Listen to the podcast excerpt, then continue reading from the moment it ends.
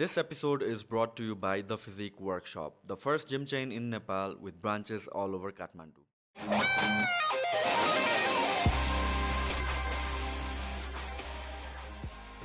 यो अहिले जुन यो मिटर ब्याजको कुरा भइरहेको छ नि यो अहिले एकैचोटि लाइमलाइटमा छ हाइलाइटमा आएको छ होइन तर यो त पहिलादेखि भइरहेको इस्यु हो नि त। सो अहिले एकैचोटि लाइमलाइटमा आउनुको कारण के हो? पहिला चाहिँ किन यसलाई चाहिँ प्रायोरिटी नै आएन? मिडियामा खासै त्यति सुनिन्थेन। अहिले यो चाहिँ के भएको भने कुनै पनि चिज जस्तो रोगै लाग्न पनि क्यान्सर रोग हुनको लागि पनि आठ दस वर्ष लाग्छ क्या। यो मिटर ब्याज भनेको ब्याज भनेको पनि रोगै हो एक किसिमको। त्यसलाई तपाईँले त्यसरी बुझ्नुहोस्। पहिला त मान्छेहरूले लघुवित्त सहकारीबाट ऋण लिए गाउँमा। त्यस पछाडि लघुवित्त र सहकारी गाउँमा यसरी पस्यो मित्र जस्तो गरेर पस्यो। एकदम हामी तपाईँलाई सस्तो ब्याजमा पैसा दिन्छौँ यो गर हाम्रो ल्याऊ तिम्रो ल्याऊ भनेर भन्यो। अनि त्यहाँ के गरिदियो भन्दाखेरि दसजना पन्ध्रजना महिलाहरूको एउटा समूह बनाइदियो। जस्तो पन्ध्रजना महिलाको समूह बनाइदियो। त्यो मध्ये एकजनाले पैसा तिरेन भने अरू चौधजना महिला चाहिँ त्यो एकजना महिलालाई पैसा लिन जाने। है? अनि त्यो गर्नको लागि त्यो एकजना महिलाले के गर्यो भने अर्को लघुवित्तबाट पैसा लिनु पऱ्यो त्यो यो बुझाउनलाई। हेर्नुहोस् फेरि लघुवित्तले पैसा दिँदाखेरि के गर्यो भन्दाखेरि एक लाख रुपियाँ पैसा दिँदाखेरि नि लघुवित्तले एक लाख रुपियाँ पैसा दिने। तर एक लाख रुपियाँको कागज गराउने तर साठी हजार मात्रै दिन्थ्यो क्या चालिस हजार रुपियाँ चाहिँ पहिल्यै काट्थ्यो। यो नाममा सेयरमा त्यसमा त्यसमा गरेर काट्थ्यो। चालिस हजार काट्थ्यो। अब गाउँको गरिब मान्छेलाई एक लाख रुपियाँ पैसामा चालिस हजार काटेपछि साठी हजार मात्रै भयो। त्यो साठी हजारको ब्याज चाहिँ उसको के हुन्थ्यो भने पायो साठी हजार। कागज गराउँथ्यो फेरि दुई लाखको। हेर्नुहोस्। र त्यसलाई बाइस पर्सेन्ट लिन्थ्यो। बाइस पर्सेन्ट भनेपछि झन्डै झन्डै साठी पर्सेन्ट ब्याज पुग्यो। हेर्नुहोस् है। अनि त्यसले गर्दाखेरि तपाईँको कुरो के भयो भन्दाखेरि अब ऊ त कस्तो भयो भने पहिलो महिना त जाने ताने दोस्रो महिना तिर्छन्। हेर्नु पैसा अलिअलि हुन्छ नि त खेल्छ। त्यहाँबाट यो गाँचिँदै गाँचिँदै आएर एउटा महिलाले पाँचवटा छवटा लघुवित्त त्यहाँबाट सहकारी लघुवित्त र सहकारी हुँदै अब यो लघुवित्त र सहकारीले पनि पत्याउन छोडेपछि अब जब चेप्न थाल्यो नि चेप्न थालेपछि अनि मिटर ब्याजी साउहरूसँग पुग्यो उनीहरू। अनि साउसँग पुगिसकेपछि तपाईँको के भयो भन्दाखेरि तपाईँको साउहरूले अनि पैसा लियो। दियो तिन रुपियाँ ब्याजमा हेर्नुहोस् है। अघि लघुवित्त र सहकारीको जालमा पऱ्यो यता आएर साउको जालमा पऱ्यो त्यहाँ त्यति मात्रै भएको छैन क्या तपाईँको। त्यहाँ अर्को खतरा कुरा के छ भन्दाखेरि तपाईँको महिला हिंसाको कुरा पनि छ त्यहाँ। जस्तो कि? जस्तो तपाईँको चाहिँ नि साउहरूले के गर्छ? हिजो पाहाडमा घोडा चढेर हिँड्ने साउहरूले के गर्थ्यो? त्यही साउ विरुद्धको सामन्ती विरुद्धको लडाइँ भनेर चाहिँ नि गणतन्त्र ल्याएको हो नि त हो। र मैले जहिले पनि के भने भन्दाखेरि हिजो पाहाडमा घोडा चढेर हिँड्ने साउ महाजनहरू होइन त्यो जसले आ अर्काको खेतीबारी तान्थ्यो थिच्थे अर्काको छोरी चेलीले तान्ने तिनीहरू चाहिँ आज लघुवित्त र सहकारीको नाउँमा गाउँमा छिरे ब्याङ्कको नाममा सहरमा थिए छिरेका छन्। फरक ब्याङ्क सामन्तबाट साउ ब्याङ्क र लघुवित्त सहकारी भयो क्या। सामन्त नाम मात्रै फेरिएर यिनीहरू ब्याङ्क र लघुवित्त सहकारी भए।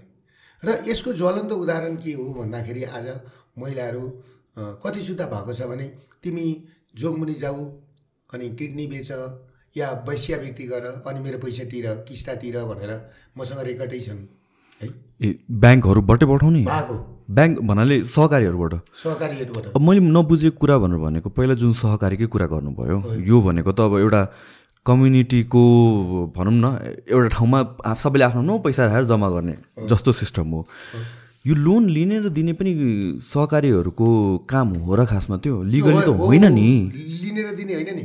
सहकारी भनेको बङ्गलादेशको मोडल अर्कै थियो। यहाँको मोडल चाहिँ के भनेदेखि साउ बनाइदियो क्या सहकारीलाई। पैसा दिने पैसा उठाउने पैसा दिने पैसा। सहकारी भनेको कृषि सहकारी हुन्छ। दुधको लागि सहकारी। धेरै। मान्छेहरूले भेला भएर त्यहाँ लगेर दुध जम्मा गर्नेलाई सहकारी भन्थ्यो नि त। धेरै मान्छेको धान जम्मा गर्नेलाई सहकारी भन्थ्यो। धेरै खेतीहरू मिलाएर होइन हजारौँ दस दसौँ हजार जग्गा मिलाएर खेती गर्नलाई सहकारी भनिन्थ्यो होइन? तर यहाँ चाहिँ के भयो भन्दाखेरि पैसा दिने अनि त्यहाँबाट ब्याज उठाउने। त्यसले गर्दाखेरि तपाईँको आज आएर चाहिँ नि तपाईँको नाम के भयो? म सुशान्त हो। सुशान्तजी सबैभन्दा सुशान्त सरलाई म एउटा कुरा के भन्छु भने सबैभन्दा ठुलो प्रब्लम मैले गाउँमा पऱ्यो गाउँमा पऱ्यो र मैले के भने भनेदेखि तपाईँले बुझ्नु होला यति मात्रै भनेनन्। तिमी कोठा खोजिदिन्छौँ हामी तर हाम्रो किस्ता चाहिन्छ। तर तिमीले वेश्यावृत्ति गरेर हुन्छ हाम्रो दिनको एक हजार किस्ता त बुझाउनै पर्छ भनेर मसँग रेकर्डहरू छन्। मैले त्यत्तिकै बोले होइन। त्यस पछाडि तपाईँको यो विकृति यति बढ्यो अब गाउँका महिलाहरू केमा परे भन्दाखेरि लघु वित्तमा परे पाँचवटा छवटाको जालोमा। अब तपाईँको चाहिँ नि सहकारीको त्यस्तै चेपमा परे त्यहाँबाट मिटरबाजी साउको चुसमा परे। झमेलामा परे त्यस पछाडि के भयो भन्दाखेरि एउटा बाख्राको पाठो किन्न या एउटा भैँसी किन्न लिएको पैसा उसले हात्तीको पैसा बुझाइसक्यो फेरि। दस वर्ष बाह्र वर्षसम्म बुझाइराख्यो। हेर्नुहोस्। त्यो इन्ट्रेस्ट बढा बढै भयो। इन्ट्रेस्ट बढेको बढै छ। साउ त कहिल्यै घट्दै घट्दैन। लास्टमा गएर उसको श्रीमान विदेश जान्छ फेरि। साउदी जान्छ कटार जान्छ। त्यहाँबाट उसले पैसा पठाउँछ। त्यसले पनि पुग्दैन।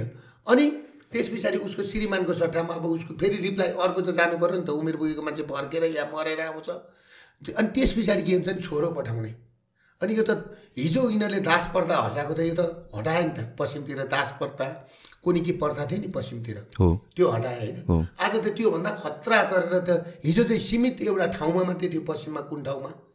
होइन यो थारू कुन उसमा थियो टिकापुरतिर दास संस्था। आज चाहिँ नेपालभरि नै भयो क्या नेपालको टोटल गाउँमा भयो। एउटा कुरा। त्यसले गर्दाखेरि तपाईँलाई म एउटा कुरो के भन्छु भने सुशान्तजी मैले आजभन्दा आठ महिना अगाडि म दुबईमा थिएँ। म दुबईमा पाँच छजना युवाहरूलाई ल्याउँदै थिएँ अलपत्र परेको मान्छेहरूलाई। म आफै गएको बेलामा।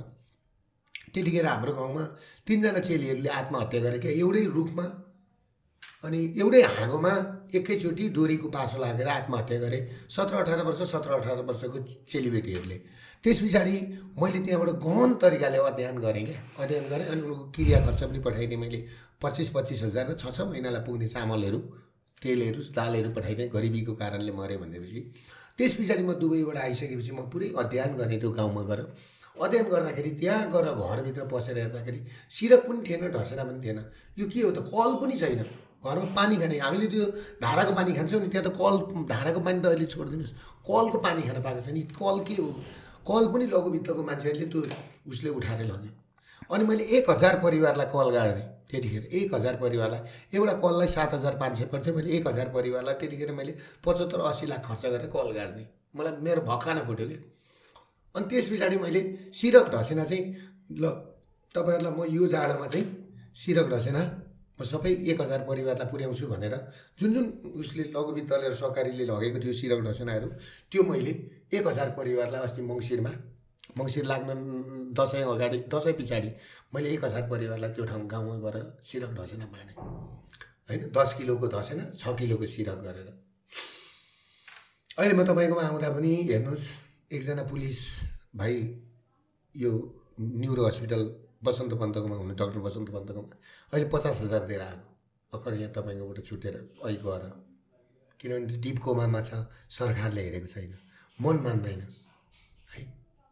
अनि यो स्थिति भइसकेपछि मैले मेरो पार्टी अध्यक्ष केपी शर्मा ओलीज्यूलाई हजुरबुवा यसरी गाउँमा तिनजना चेलीहरू झनिएर मरे लघुवित्त र सहकारीको कारणले यो त राम्रो भएन। यसको अन्त्य गर्नुपर्छ। यो त हलिया प्रथा के प्रथा भन्दा पनि खतरा भयो।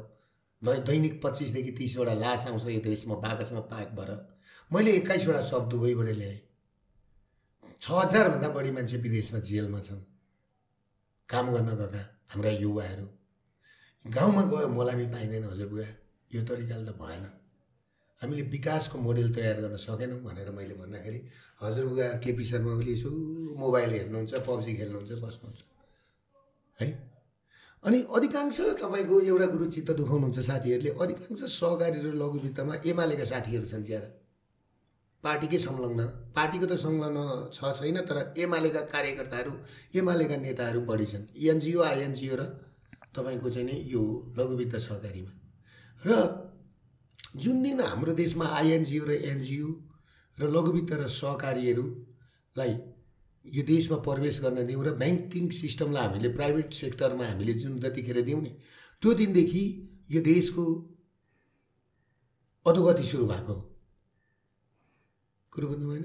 अर्थतन्त्र त हामीले लगेर आज विदेशीको हातमा बुझायौँ नि। केही ठान मारवाडीहरूको हातमा बुझायौँ क्या? दुःखको कुरा। सबै मारवाडी भन्दिनँ फेरि। मारवाडीहरू पनि धेरैले मलाई फोन गरेको छ। तपाईँले ठिक गर्नुभयो दुर्गाजी भनेर। धरानबाट फोन गरेको छ विराटनगरबाट फोन गरेको छ। केही थान मारवाडीहरू विदेशीहरूको हातमा देशको अर्थतन्त्र पुर्याए यिनीहरूले आज। त्यसको त्यो भएर त्यस पछाडि मैले यो एकदम गहन तरिकाले अध्ययन गर्दै म गाउँ धेरै घुमेँ। गाउँ धेरै घुमेँ घुम्दा घुम्दा घुम्दा घुम्दा काहीँ मैले मन्दिर बनाएँ काहीँ स्कुल बनाएँ। मैले आफूले सालको दस करोड रुपियाँ बजेट छुट्याएँ क्या मेरो। हरेक साल मैले दस करोड बजेट छुट्याएर गरिबहरूको लागि काम गर्ने आएँ मैले भन्नुहुन्छ दुबईबाट अलपत्र पर्या मान्छे त दुई सयजना मात्रै ल्याएँ एकचालिसजना त जेलमा पर्या मान्छेहरू आम माफी गराएर ल्याएँ र तपाईँले जुन दुबईमा अमरबहादुर बम दार्चुलाका अमरबहादुर बम सायद तपाईँलाई थाहा छैन तिनको लागि मैले सबै कुरा गरेर अस्ति छब्बिस लाख रुपियाँ पैसा बुझाएर तिनलाई पनि ल्याउँदैछु। तिनलाई फाँसीको सजाय सजाय थियो झुन्ड्याउनलाई। मैले तिनलाई फाँसीको सजाय मिना गरेर ल्याउँदैछु उनलाई। नाउ यो कुरामा त गभर्मेन्टले स्टेप इन गर्नुपर्ने होइन र यो प्रोसेस त झन् सजिलो हुनुपर्ने जस्तो लाग्यो गभर्मेन्टले पार्ट लियो भने त। कि कसरी कसरी काम गर्छ? यस्तो बेलामा हुनुपर्ने चाहिँ के हो इन्टरनेसनल प्रोटोकल इन्टरनेसनल के हो भन्दाखेरि मेरो त्यहाँको दुबईको राजकुमारसँग मेरो राम्रो रिलेसन एउटा कुरा। अर्को कुरो के हो भन्दाखेरि एउटा रिलेसनले गर्ने हो सबैभन्दा ठुलो। जहाँ भए पनि। यिनीहरूले रिलेसन पनि राम्रो राख्न सक्दैनन् होइन? अर्को कुरो राज्य ड्याप गभर्मेन्ट कहाँ छ र? तपाईँलाई गभर्मेन्टको फिल छ अहिले? हो त्यो त एकदमै मान्छु गभर्मेन्टको फिल तपाईँ एउटा युवा हुनुहुन्छ होइन? मान्छेलाई तपाईँले दिनै बेसी ल्याउनुहुन्छ यसरी कुरा गरेर झकझक्याउनुहुन्छ होइन?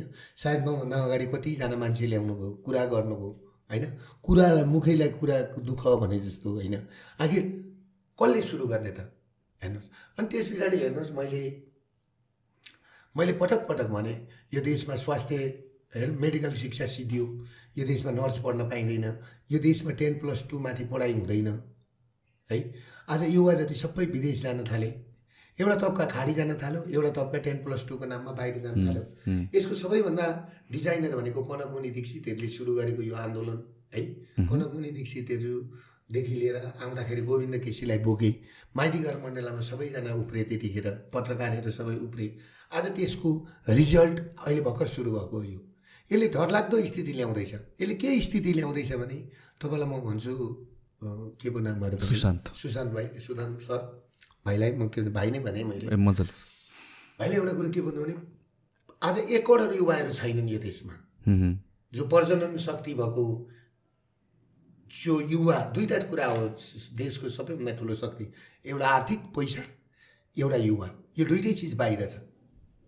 अब तपाईँको के छ भन्दाखेरि बिस लाख जति युवाहरू भारतमा छन् यो तपाईँले बुझ्नु होला भारतमा छन्। तिस लाख जति युवा खाडी मलेसिया यो क्षेत्रमा छन्।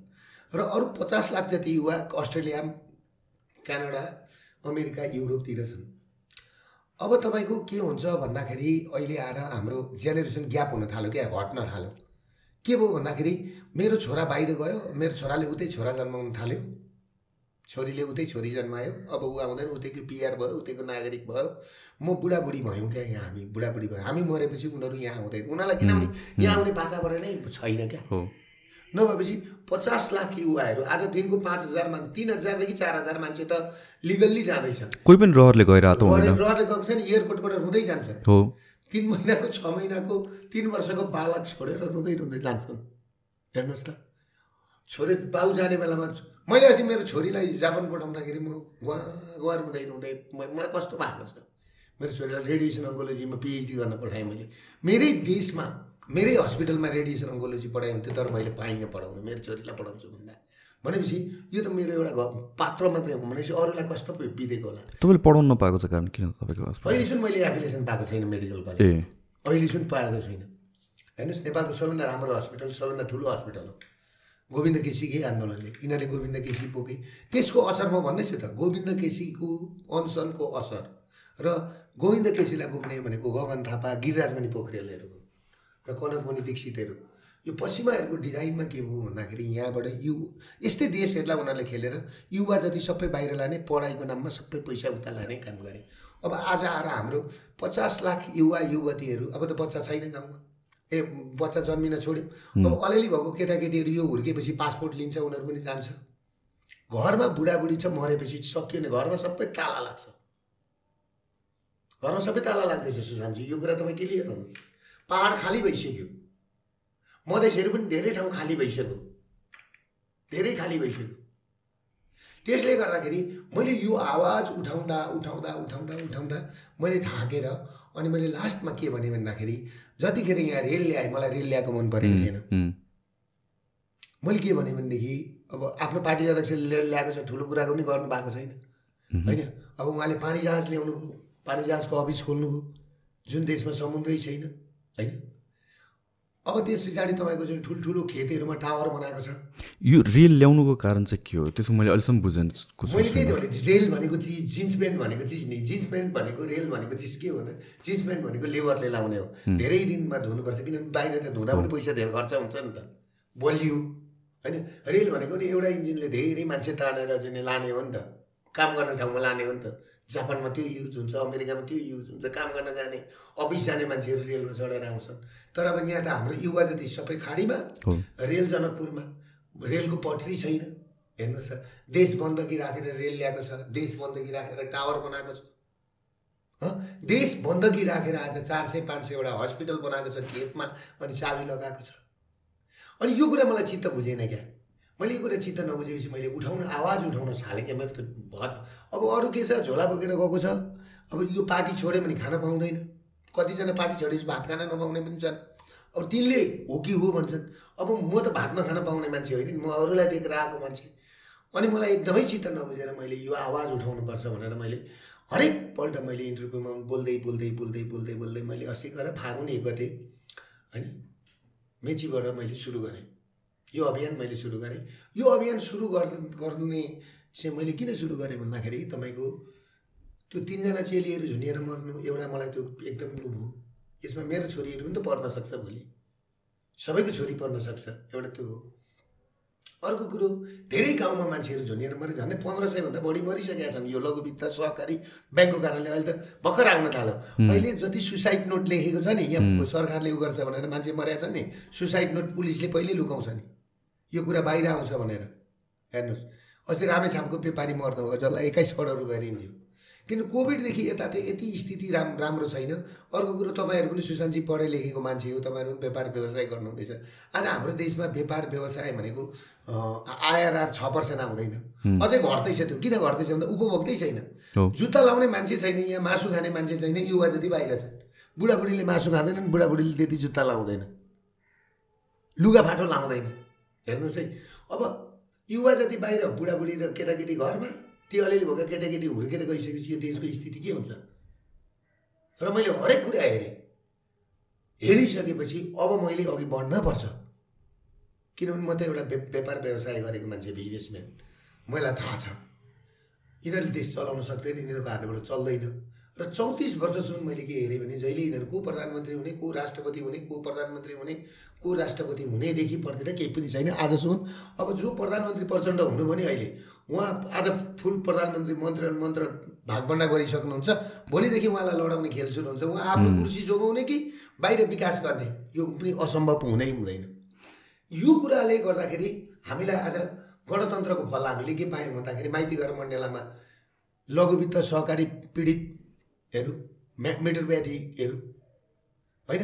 म तपाईँलाई एउटा कुरो के भन्छु भन्दाखेरि स्थिति यति भया भएर जा भएर जाँदैछ नि यो त सुरुवात मात्रै हो। हाम्रो लास्ट टिप्ने मान्छे हुँदैन यो ठाउँमा। यो कुरालाई अहिले हामीले कन्ट्रोल गरेनौँ भने। त्यसले गर्दाखेरि मैले यो आज मेचीको पुलबाट मैले अनि मलाई त्यतिखेरै राजाले पनि बोलाउनु भयो। राजाले बोलाएपछि मैले राजालाई गएर भने होइन सरकार यस्तो यस्तो छ। तपाईँ किन बस्नुभएको यसरी चुप्प लागेर? राजा भनेको त गार्जेन हो देशको। तपाईँ निस्किनुहोस् बाहिर। जनताका आँखाका आँसु पुस्नुहोस् जनताहरू टुरा भए गार्जेन विहीन भए। अलपत्र परे जनताहरू। भनेर मैले भनेपछि ल म आउँछु भनेर भन्नुभयो। त्यतिखेर मैले केपी शर्मा ओलीज्यू मेरो हजुरबुवालाई पनि बोलाएको थियो। सम्माननीय प्रधानमन्त्री प्रचण्डज्यूलाई सबैलाई चिठी पठाएको थिएँ आउनुहोस्। यो त किनभने शान्तिको लागि हो नि त। राष्ट्र राष्ट्रियता धर्म संस्कृति र नागरिकहरू झुन्डिएर मरिरहेछन् बचाउँ यो अभियान सुरुवात गरौँ भनेर भनेको। उहाँहरू आउनु भएन। राजा आउनुभयो जसलाई राष्ट्रको माया थियो उहाँ आउनुभयो। र उहाँले पानसमा दियो बालिदिनु भयो एकछिन बस्नुभयो जानुभयो। अब त्यस पछाडि मलाई पार्टीले कारवाही गर्ने निर्णय गर्न आँट्दाखेरि मैले पार्टीबाट राजीनामा दिएँ। किनभने मलाई बस्नु नै थिएन त्यहाँ। किनभने मेरो आत्मा रोइरहेको छ त्यो गरिबहरू देखेर भुइँ मान्छे सर्वहारा वर्ग भन्छन्। तिनीहरूको भोट उठाएर आएको छ होइन? अनि त्यस पछाडि मैले त्यहाँबाट छोड्दै पार्टी नै छोड्दै छोडेर मैले अनि यो अभियानलाई अहिले एग्रेसिभली लगिसकेपछि अहिले तपाईँको मान्छेहरू तपाईँको के छ भने सुशान्तजी झुन्डिएर मर्ने काम चाहिँ अलिक कम भएको छ सुसाइडहरू। केही मैले फागुन एक गतेदेखि यता चाहिँ लगभग लगभग नेपालमा दस बाह्रजना मात्रै यो घटना भएको छ नभए दैनिक बाह्रदेखि पन्ध्रजना मान्छे मर्दै र मैले यो कुरा कति झकझकाएँ भनेदेखि एउटा गोर्खा सहकारीको कारणले घरभित्र कोठाभित्र बसेर घरभित्रै मेन गुट गेटमा चाला लगाएर छजनाको परिवारले यो माथि एउटा कुरो के आफू भैया कि यो टौवा खोला के भन्ने ठाउँमा विष खायो क्या परिवारले नै विष खाएर मरे क्या।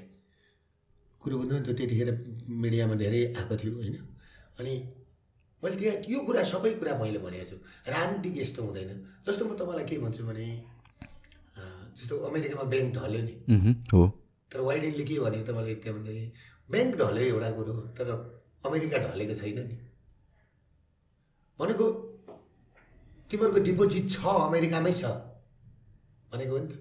आज सर्वहारा वर्गको नेतृत्व गर्ने अनि तपाईँको भुइँ मान्छेको नेतृत्व गर्ने भन्ने अनि त्यहाँबाट व्यापारी विदेशी व्यापारीहरूसँग खास गरेर मारवाडी व्यापारीहरूसँग एउटा एउटा मारवाडीले दस दस हजार करोड रुपियाँ ऋण लिएको छ नेपालीको पैसा र नेपालीकै पैसा चलाएर हेर्नुहोस् त्यो मारवाडीहरू आएको भनेको कोही तिस वर्ष कोही बिस वर्ष कोही पचास वर्ष भएको छ नेपालमा आएको।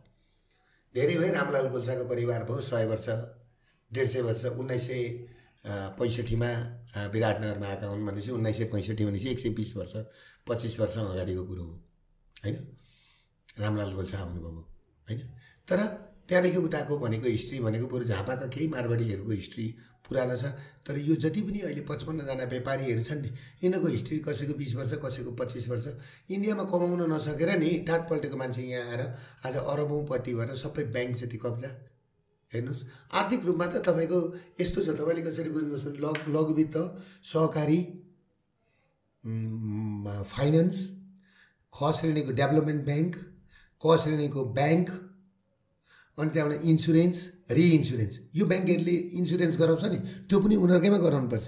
यति मात्र चाहिँ रेटिङ गराउँदा पनि उनीहरूकैमा गराउनुपर्छ। न यो सबै कसरी त्यो एउटै ग्रुपमा चाहिँ कसरी पुग्यो कि? किनभने त यो अब प्राइभेटाइजेसन ब्याङ्कलाई प्राइभेट गर्ने कि नगर्ने एउटा कुरा त त्यो छँदैछ होइन? तर नट नेसेसरली त्यो इफ राम्रो पोलिटिकल सिचुएसन छ राम्रो राम्रो इकोनोमी चलिरहेछ भने प्राइभेटाइजे प्राइभेटाइजेसन गर्नु पनि रा- नराम्रो चाहिँ नहोला। तर एउटै ठाउँमा चाहिँ कसरी पुग्यो? एउटै पावरमा चाहिँ कसरी पुग्यो? एउटै पावरमा यस्तो भयो यस्तो भयो। तपाईँको के भयो भने यिनीहरूको पहिला बत्तिसवटा ब्याङ्क थियो। बत्तिसवटा ब्याङ्क थियो। अहिले बत्तिसवटालाई घुमाउँदै बिसवटामा ल्याएँ। त्यो बत्तिसवटा ब्याङ्क पनि बिसवटामै आयो नि त हुँ, एकै ठाउँमा आउँदैछ क्या? त्यो पचपन्नजना भन्दा बाहिर जान दिँदैन यिनीहरूले। र यो पचपन्नजना व्यापारीभित्र अरू दसजना नेता थपिए क्या? नेताको ब्ल्याक मनी छ नि यहीँभित्र यिनीहरूले होल्ड गरे क्या। सो यो जुन लिक्विडिटी क्राइसिस भइरहेछ। यही कारणले हो र कारण यही हो। यो तपाईँलाई एउटा कुरो के छ भन्दाखेरि सुशान्तजी पैँतालिस खर्ब रुपियाँ छ नेपालमा। हिजो त शेखर गोल्साले पनि बोल्दै हुनुहुन्थ्यो। यो कुरा त मैले बोलेको हो नि त। उहाँहरू त बिजनेसम्यान। हिजो एकजना अर्थविदले भनेर भन्दै हुनुहुन्थ्यो। मैले के भने म त्यत्रो पढेको त होइन। एउटा पढेको मान्छे हुँ। सायद तपाईँले त्यही अलिकति बुझेर मलाई यहाँ बोलाउनु भयो होला। म नेपालको सबैभन्दा टप विज्ञसँग यहाँ कुरा गर्न चाहन्छु। यो डिबेट गर्न चाहन्छु। अब मैले एउटा कुरो भन्न चाह भनेको कुनै पनि संसारमा सबैभन्दा खतरा चिज भनेको पैसा हो नि त। पैसा जस्तो चिज अर्थ जस्तो चिज विदेशीको हातमा दिए नि त जानी जानी तपाईँले अझै एउटा कुरो त छ तपाईँको एनआइसी एसिया ब्याङ्क? विशाल ग्रुपको हो। एनआइसी एसिया ब्याङ्कको अलिकति पैसा ढिलो तिर्न गर्नु तिर्नुहोस् त तपाईँ। ढिलो भयो भने उसले गार्ड पठाउँछ घरमा।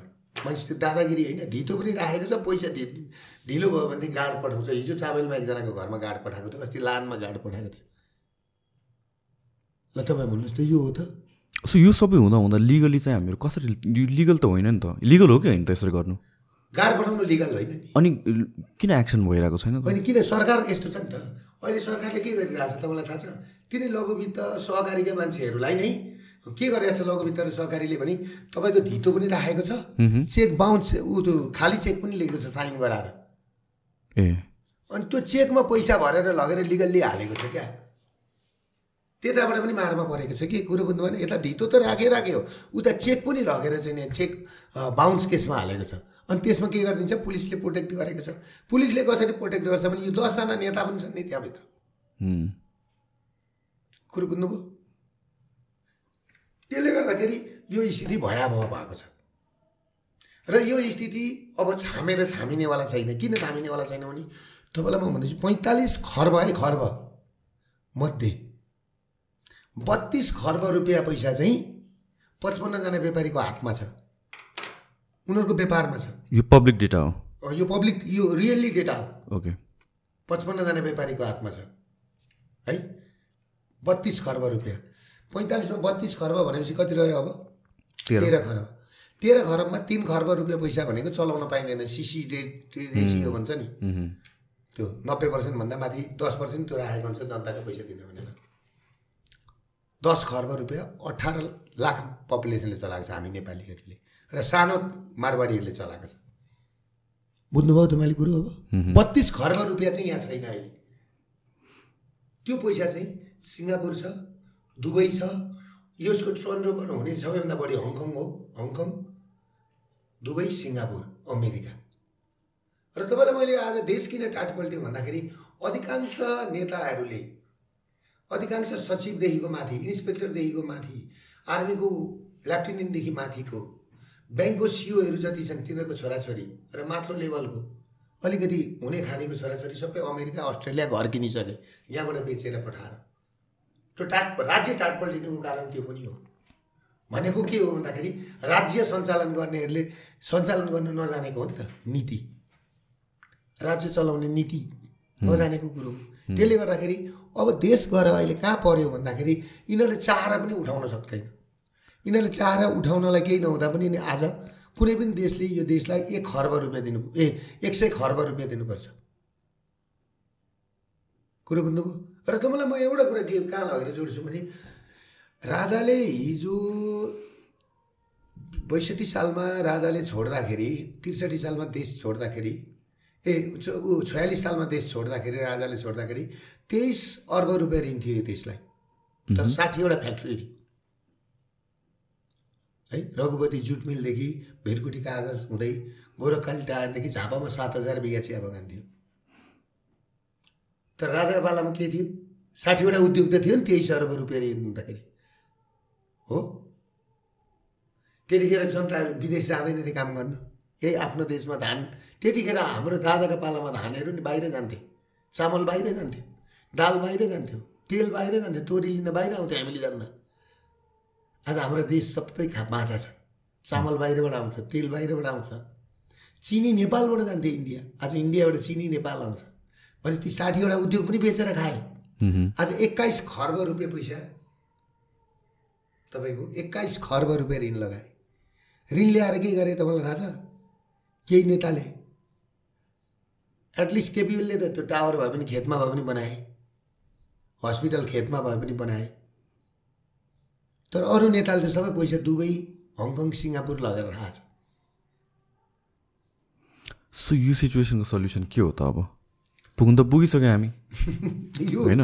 यो सिचुएसनको सल्युसन भनेको अब उहाँहरूले उहाँहरू त फेलियर भइसक्नु भयो नि फेलियरको त सिम्नम देखिसक्यो त किनभने एउटा लघुवित्त ब्याज पीडित मान्छे। यो त यो त तपाईँको यो डेटा त तपाईँलाई एउटा कुरो के बुझ्नुहोस् भने तपाईँ अझ क्लियर हुनुहोस् न महाबौद्ध नेपालको सबैभन्दा राम्रो जक्सन महाबौद्ध हो नि दोकान व्यापारीहरूको गएर बुझ्नुहोस् न पीडा। आज चोक चोक गल्ली गल्ली बजार बजार चिया पसल सानो होस् ठुलो होस् फाइभ स्टार होटलमा पनि नि तपाईँको मान्छे छैन नि त। अर्को कुरो अलिअलि मान्छे भएको ठाउँमा पनि को मान्छे खुसी छ? हाम्रो देश राम्रो छ भनेर कसले भनेको छ? देश राम्रो छ तर को मान्छे खुसी छ भन्नुहोस् त? जो पनि ऋणले पिल्यो मरे ऐया आथु। मैले अस्ति चार दिन पाँच दिन अगाडि म इनरवा गएको थिएँ एउटा कार्यक्रम थियो सभा थियो त्यहाँ बोल्दा बोल्दै एकजना महिला टाउकोभरि घाउ रहेछ अनि ब्रेस्ट कुहिएको रहेछ। छेउमा आउँदाखेरि एकदमै गनाउने। र मैले खपेर उकारे सबै ब्रेस्ट कुहिएको रहेछ। तिनको के रहेछ भन्दा तिन हजार भर्खर लघुवित्तको ऋण तिर्न तिरेँ। सबै भाडा बटुका पनि लगौ पैसा नपुग्दाखेरि मेरो बिजोग भयो भनेपछि यसो ब्रेस्ट हेरेको सबै पिप झरेको थियो। अनि मैले मेरो चेली सम्झेर मैले लगेर अहिले उपचार गर्दैछु हेर्नुहोस् त यिनीहरूको गणतन्त्र फेलियर भएको हो नि त त्यो स्थिति भनेको स्वास्थ्यमा राज्य कहाँ छ शिक्षामा राज्य कहाँ छ वर्तमानमा त्यसले गर्दाखेरि यिनीहरू त फेलियर भइसक्यो नि यिनीहरू सबैजना फेलियर भइसके। त्यसले गर्दाखेरि अब नयाँ सोचका साथ जस्तो तपाईँलाई म एउटा कुरा के भन्छु भने जुन एकजना भाइले प्रेमाचार्य भाइले हो। शरीरमा पेट्रोल खनाएर आगो लगाउनु पनि त्यो आगो लगाउनुको मेन कारण मेन रिजन भनेको के हो भने उहाँले तत्त व्यक्तिहरूको नाम लिनुभएको थियो नि त्यतिखेर रवि लामिछाने तोसिमा कार्की समथिङ ककसको होइन रा राजेन्द्र लिङ्गदेन ज्ञानेन्द्र साईको नाम लिनुभएको थियो होइन। किन लिनुभयो भनेर भन्दाखेरि तपाईँको उहाँले उहाँले सबैजना हेर्नुभयो मान्छेहरू। देशमा सबै परिवर्तन हेर्नुभयो। लास्टमा उहाँलाई एउटा आशा के थियो भने राजेन्द्र लिङ्गदेन ज्ञानेन्द्र साई रवि लामिछाने त छन् नि भनेर भन्दाखेरि यिनीहरू पनि गएर मन्त्री भइसकेपछि यिनीहरूले पनि डिफेन्स लिएर यसो यिनीहरूसँग बोल्दैन भनेपछि नि अनि उसले मेरो विचारमा त्यहाँ आएर आत्मदाह गरेको छ। यो सिचुएसन हो आज नेपालको। र म सबैजनालाई के भन्छु भनेदेखि त्यहाँ कुनै बर्थडे केक काटेर क्यान्डल बालेको होइन नि आफ्नो शरीरमा आफैले पेट्रोल खन्याएर आगो लगाउनु पुग्यो एउटा व्यक्ति म बाँच्न चाहँदा चाहँदै पनि बाँच्न पाइनँ। यो राज्यले मलाई बाँच्न दिएन भनेर चाहिँ संसद भवन अगाडि गएर जब मर्छ भनेपछि आत्मदाह गर्छ। र एउटा व्यक्ति आज हिजो यही जनयुद्ध हो भने आफू मर्नलाई हामी नै हो म नै हो। हामी कोदालो बोकेर लडाइँ लड्न जान्थ्यौँ। हामीलाई गाड्नको लागि किनभने हामीलाई एउटा उसुका मुलुक बनाउने ड्युटी थियो। म छ महिना सैनिक हिरासत बसेको मान्छे हो। म आज सम्माननीय प्रधानमन्त्रीज्यूलाई भन्छु होइन? तपाईँलाई प्रधानमन्त्री त बनायौँ तर हामीले के पायौँ राज्यले के पायो। गणतन्त्र त पायो तर गणतन्त्रले यो यही त दिलायो। आज माइती घरको बास बनायो होइन गरिबहरूलाई। यो त तपाईँको कास्टिङ मात्रै हो। अब तपाईँको अर्को कुरो के छ यहाँ भन्दाखेरि काठमाडौँका व्यापारीहरू ठुला व्यापारीहरू छन् नि अठार पर्सेन्ट बिस पर्सेन्ट ब्याज पुऱ्याइदिएको छ। हिजो सात पर्सेन्टको ब्याज आज अठार पर्सेन्ट पुऱ्याइदिएको छ। कसले तिर्न सक्छ? कसले तिर्न सक्छ? अनि जसरी पनि पैसा तिर भनेको छ। र तपाईँको अहिलेको गभर् गभर्नर भनेको जम्मा सिए हो यो विषयमा उहाँ विज्ञ होइन। उहाँ के भन्नुहुन्छ अहिले? त्यहीँ सञ्चालक समितिबाट पनि के भन्दा भन्नुहुँदो रहेछ भने त्यहाँ अरू अरू सञ्चालक समितिले सिङ्गल डिजिटमा ल्याउन सकिन्छ ब्याज भन्नुहुँदो रहेछ होइन? त्यो विदेशी विश्व ब्याङ्क र त्यो आइका हो कि के भन्ने छ अरे आइ के भन्ने छ? त्यसले चाहिँ अठारदेखि बाइस पर्सेन्ट पुर्याउनुपर्छ भनेको छ अरे। उहाँ त एजेन्ट जस्तो भएर अहिले अठारदेखि बाइस पर्सेन्ट त्यसरी त चल्दै चल्दैन त्यो त बुझ्नुपर्ने हो होइन र? चल्दैन। चल्दै चल्दैन उहाँलाई के मतलब? हो उहाँलाई बाहिरबाट पैसा आउँछ। मर्दै त उहाँको छोराछोरी मर्दैन उहाँको छोराछोरी सायद बाहिर होला। उहाँ अब पछाडि गएर त हेर्नुहोस् सबै सिफ्ट हुन्छन्। तपाईँले के बुझ्नुहुन्छ? अलिकति पढेको लेखेको सचिवहरू कहाँ छन् यहाँ? तपाईँले मर्निङ वाकमा भेट्नुहुन्छ? यहाँ इभिनिङ वाकमा भेट्नुहुन्छ मान्छेहरू सबै अमेरिका छन् छोराछोरीलाई पहिले पठाएको छ सिफ्ट गरेको छ सबै पठाएको छ। र मैले भन्न खोजेको के भने यहाँबाट जति पनि पैसा गयो बाहिर गयो अब फर्स्ट लेयरको मान्छे यहाँ काम गर्छ सेकेन्ड लेयरको मान्छे फेरि दुबईमा काम गर्दैछ अहिले सिङ्गापुर हङकङमा काम गर्दैछ नि। यो टोटल इन्टायर मारवाडीहरूको पनि। तपाईँहरूले बुझ्नुहोस् न कुरो। र इन्टायर नेपाली ठुल्ठुलो उद्योगीहरू अन्तिममा यो देश यिनीहरूले छोड्दैछन् कङ्गाल बनाएर। कङ्गाल बनाएर। त्यसले गर्दाखेरि अबको स्थिति कस्तो आउँदैछ भने तपाईँले के बुझ्नुहोस् भने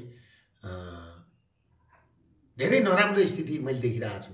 किनभने मैले आठ वर्ष अगाडि भनेको कुरा यो दिन आउँछ आउँछ भनेर भनेको कुरा यो सुरुवात भएको छ। यो अब कतिजनाले यो कोभिडले गरेर भनेर भन्छ कोभिड पनि एउटा इम्पोर्टेन्ट फ्याक्टर हो तर कोभिडले त एउटा देखाइदिएको मात्र हो असलियत के छ? किनभने यो त अहिलेदेखिको त प्रब्लम होइन नि त यो त पहिलादेखि पोलिसीको इस्युजहरू छ। यो त पच पच्चिस वर्षदेखि सुरु भएको। क्यान्सर जस्तै हो। क्यान्सर त अर्ली स्टेजबाट सुरु हुन्छ नि। Early stage one stage two stage three stage four stage होइन हुँदै हुने हो नि त। यो चाहिँ तपाईँको अर्ली स्टेज हुँदै यसलाई उ गर्नु पर्थ्यो वान स्टेजसम्म आउँदा यसलाई कन्ट्रोल गर्नु पर्थ्यो यो त अहिले फोर्थ स्टेजमा छ। हो जस्तो कि हाम्रो यहाँको नेपालको पोलिसीमा मैले नबुझ्ने कुरा भनेको चाहिँ एउटा हिसाबले क्लास नै डिभाइड गरिएको छ। लाइक बिजनेसलाई नराम्रो हिसाबले पनि लिइन्छ क्या। बिजनेस गऱ्यो बिजनेसम्यानलाई एउटा I I don't know me मुभीहरूबाट त्यो एउटा इन्फ्लुएन्स आएर हो कि के हो। तर एउटा देशको इकोनोमीलाई बनाउने हो भनेर भनेको त बिजनेस स्ट्रङ हुनु पऱ्यो नि त। हामीले भित्रै प्रोडक्सन गर्न सक्नु पऱ्यो हाम्रो सेभेन्टी फाइभ पर्सेन्ट अफ भनौँ न हामीहरू जहिले पनि इम्पोर्टमै डिपेन्डेन्ट छौँ सबै चिज बाहिरबाटै आउँछ हाम्रो पैसा त्यसरी बाहिर नै जान्छ भनेर भनेपछि त भित्रको बिजनेसलाई स्ट्रङ बनाउनु पऱ्यो। वान्स बिजनेस स्ट्रङ भएपछि पो पैसा बाहिर जाँदैन। बिजनेस स्ट्रङ भएपछि पो इम्प्लोइमेन्ट बढ्छ त। तर यसको बेसिसमा मैले कहिले पनि पोलिसी वाइज हेर्ने हो भने सानतिनो गरिदिन्छन् चुप लाएर मान्छेहरू बसोस् भनेर। तर प्रायोरिटीमा कहिले राखेको देखेँ कुनै पनि बजेटमा मैले। तपाईँले एउटा कुरो मान्नु नि एक्काइसौँ शताब्दीमा वर्ल्डको सबैभन्दा राम्रो डक्टर पढ्ने ठाउँ नेपाल हो। आज विश्व मेडिकल साइन्सले भन्छ। किन मेरो छोराछोरी दुइटै मैले यहाँ पढाएको मलाई थाहा छ। तपाईँले के बुझ्नुहोस् भने अबको तपाईँको दुई वर्ष पछाडि यो देशमा यो देशमा है फिलिपिन्सबाट नर्स ल्याउनुपर्छ। यहाँ त नर्सिङ क्लास बन्द भइसक्यो। बन्द भइसक्यो। बन्द काम नपाउने हो कि पढाइ नै बन्द भइसक्यो? पढाइ नै बन्द भइसक्यो। एक सय चार वर्ष भयो बन्द भएको। एक सय चालिसवटा नर्सिङ कलेज थियो सबै बन्द भइसक्यो। बन्द गराए चिकित्सा शिक्षा ऐन ल्याएर। र अब मेडिकल कलेजहरू पनि बन्द हुँदैछ। हस्पिटलहरू बन्द हुँदैछ। किन नर्स नभएपछि त? फिलिपिन्सबाट नर्स ल्याउँदा त यहाँ मिनिमम पाँच लाख महिनाको दिनु पऱ्यो नि त। भनेपछि त्यो पाँच लाख रुपियाँ महिनाको नर्स ल्याएको ल्याएर त सरकारले पनि सस्टेन गर्न सक्दैन प्राइभेट सेक्टरले पनि सस्टेन गर्न सक्दैन। यसको मतलब के भन्दा तपाईँ हामी तपाईँ गर्न इन्डिया जाऊ भनेको। भारत जानैपर्छ। हो? त्यो र तपाईँले एउटा कुरो के बुझ्नु भने नि आज कलेजहरूमा कहाँ पढाइ छ त? कलेजहरू त अखिलको अखडा नेभिसङको अखडा राप्रपाको अखडा माओवादीको अखडा छ। फलानु क्या त्यहाँ त क्याम्पसमा अरू नयाँ पार्टीको मान्छेको अन्त कुटै खान्छ कि भन्ने पिर छ। कलेज कलेज रहेन। धर्म धर्म रहेन। बाबुआमाको क्रिया हुँदैन यो ठाउँमा अहिले। छोराछोरीले टाइममा बाबुआमाको दाह संस्कार गर्न पाउन छोड्यो। मोलामी समयमा लास्ट समयमा उठ्दैन मान्छे नभएर। होइन? अनि यो स्थिति यो व्यथिति यो व्यथिति यो योभन्दा यस्तो चिज देख्नुपर्छ भनेर कसैले कल्पनै गरेको थिएन। अनि यो चिजलाई उनीहरू के भन्छन् भने राम्रो छ भन्छन्। तपाईँलाई लाग्छ यो राम्रो छ भनेर? सायद तपाईँले राम्रो थियो भनेर भनिदिएको थियो भने यो प्रश्न गर्नु हुँदैन थियो। मलाई लाग्छ। तपाईँहरू जस्तो युवाहरू आज मेरो विचारमा तपाईँहरू जस्तो अब बाहिर तपाईँहरू जानुहोस् त दुबई जानुहोस् सिङ्गापुर जानुहोस् दुबई एउटा मलाई बालुवाको टुक्रा होइन। के बनाइदियो संसारको मान्छे हनुमुन मनाउन जान्छ। हाम्रो त एउटा विश्वको सुन्दरी देशमा नि योबाट आफ्नै देशका मान्छे धिकार्दै रुँदै रुँदै जान्छन् अब नफर्किने बाचा गरेर। र यो देशले एउटा जङ्गबहादुर खोजेको छ।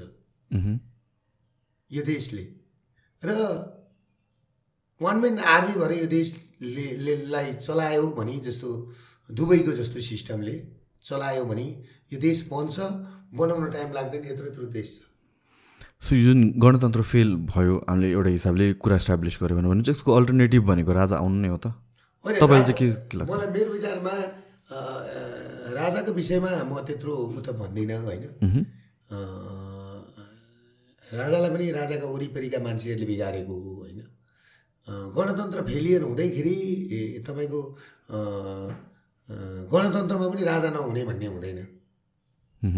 होइन जस्तो लन्डनमा पनि त गणतन्त्रै होला नि त। होइन? अरू अरू देशमा पनि त गणतन्त्र त छन् त्यहाँ किङ पनि छन् राजा पनि छन्। गणतन्त्र फेल हुँदैमा राजा नआउने गणतन्त्र ऊ हुँदैमा राजा हुने भन्ने कुरो पनि होइन। त्यो विचारको कुरो हो यो। कसरी मुलुक बनाउने भन्ने कुरो? खोइ त राजा हटाएर पनि त मुलुक त बनाउन सकेन झन्। सिद्ध्याए त मुलुक त सिद्धियो नि त। मुलुक आज लगभग सिद्धिएको स्थिति हो नि त। अब तपाईँलाई एउटा कुरो के बुझ्नुहोस् भने मैले जतिखेर भैरवा एयरपोर्ट बन्न सुरु गऱ्यो मैले त्यतिखेर आवाज उठाएको यो एयरपोर्ट बनाउनु हुँदैन है आएर उठ्दैन भनेको। जस्तो तपाईँको पोखरा एयरपोर्ट बनाउनु हुँदैन है भनेर भनेको मैले होइन? अहिले आएर के भन्छ थाहा छ बेकार बनाइएछ पोखरा एयरपोर्ट भनेर अस्ति माधव कुमार नेपालले बोल्नुभयो होइन? उहाँहरूकै पालामा सुरु भएको नि अझ निजगढ बनाउनुपर्छ भनेर जङ्गल भाँड्न खोज्दैछन् मैले के भन्दैछु भने पोखरालाई एयरपोर्टै चाहिँदैन पोखरा जम्मा भनेको हार्डली दुई घन्टाको बाटो बरु छिटो जाने बाटो सिक्स लेनको बाटो बनाऊ न। पाहाड छेडेर। त्यो पैसाले त बन्छ नि। हो। जस्तो झापालाई तिन घन्टामा जोड न फास्ट ट्र्याकबाट एयरपोर्टै चाहिँदैन। सो यो एयरपोर्टको कुरा म अलिकता म झुकेको छु है। किनभने हाम्रो एयरपोर्ट छ एउटा त्रिभुवन एयरलाइन एयरपोर्ट होइन। एउटा रनवे छ। त्यसले भ्याउँछ त हाम्रो देशको लागि। बनाउने ठाउँ छ। किन छैन? त्यो जुन अहिले टर्मिनललाई छ नि यतापट्टि रिङ रोडमा छाडिदिने रिङ रोड मुनिबाट चाहिँ गाडी कुदाइदिने। किन के बिग्रिन्छ के हुँदैन तपाईँको जुन अहिले रिङ रोड छ नि रिङ रोड माथि टर्मिनल बनाइदिने। रिङ रोड मुनिबाट गाडी कुदाइदिने। टर्मिनल मुनिबाट गाडी जान्छ त छ त सिङ्गापुरमा छ। दुबईमा छ दुबईको उसमा छ नि त मुनिपट्टिबाट चाहिन्छ नि। यो ठुलो कुरो छैन तपाईँको बनाउनलाई। तर हुनु पऱ्यो नि त खोपडी हुनु पऱ्यो छाती हुनु पऱ्यो सो यो जुन सानो सानो एयरपोर्ट बनाइरहेको छ त्यो कमिसनको एयरपोर्ट पनि हस्पिटल पनि तपाईँलाई म एउटा उदाहरण दिन्छु। सुशान्तजी तपाईँले के बुझ्नुहोस् भने ताप्लेजुङमा एयरपोर्ट बनाएको छ सुन्नुहोस्। मैले यहाँ एयरपोर्ट बनाएँ भन्छ। तिन महिनामा एकचोटि एकपल्टलाई जहाज जान्छ। अरू दिन जहिल्यै क्यान्सल हुन्छ। त त्यत्रो पैसा खर्च गरेर किन एयरपोर्ट बनाउनु? ल भन्नुहोस् त। त्यो ताप्लेजुङबाट तल झापा आउन राम्रो खालको फोर लेनको बाटो हो भने चार घन्टामा आइपुग्छ। चार घन्टामा आइपुग्छ तपाईँलाई भन्छु अनि जम्मा ऊ रोयल नेपालको ए रोयल नेपाल होइन आरएनएसीको होइन? नेपाल सरकारको जहाज भनेको टुइनेटेड विमान एउटा छ। के गरेको यो? दुरुपयोग होइन? राज्यको सम्पत्ति। सबै कमिसन आउँछ भनेर।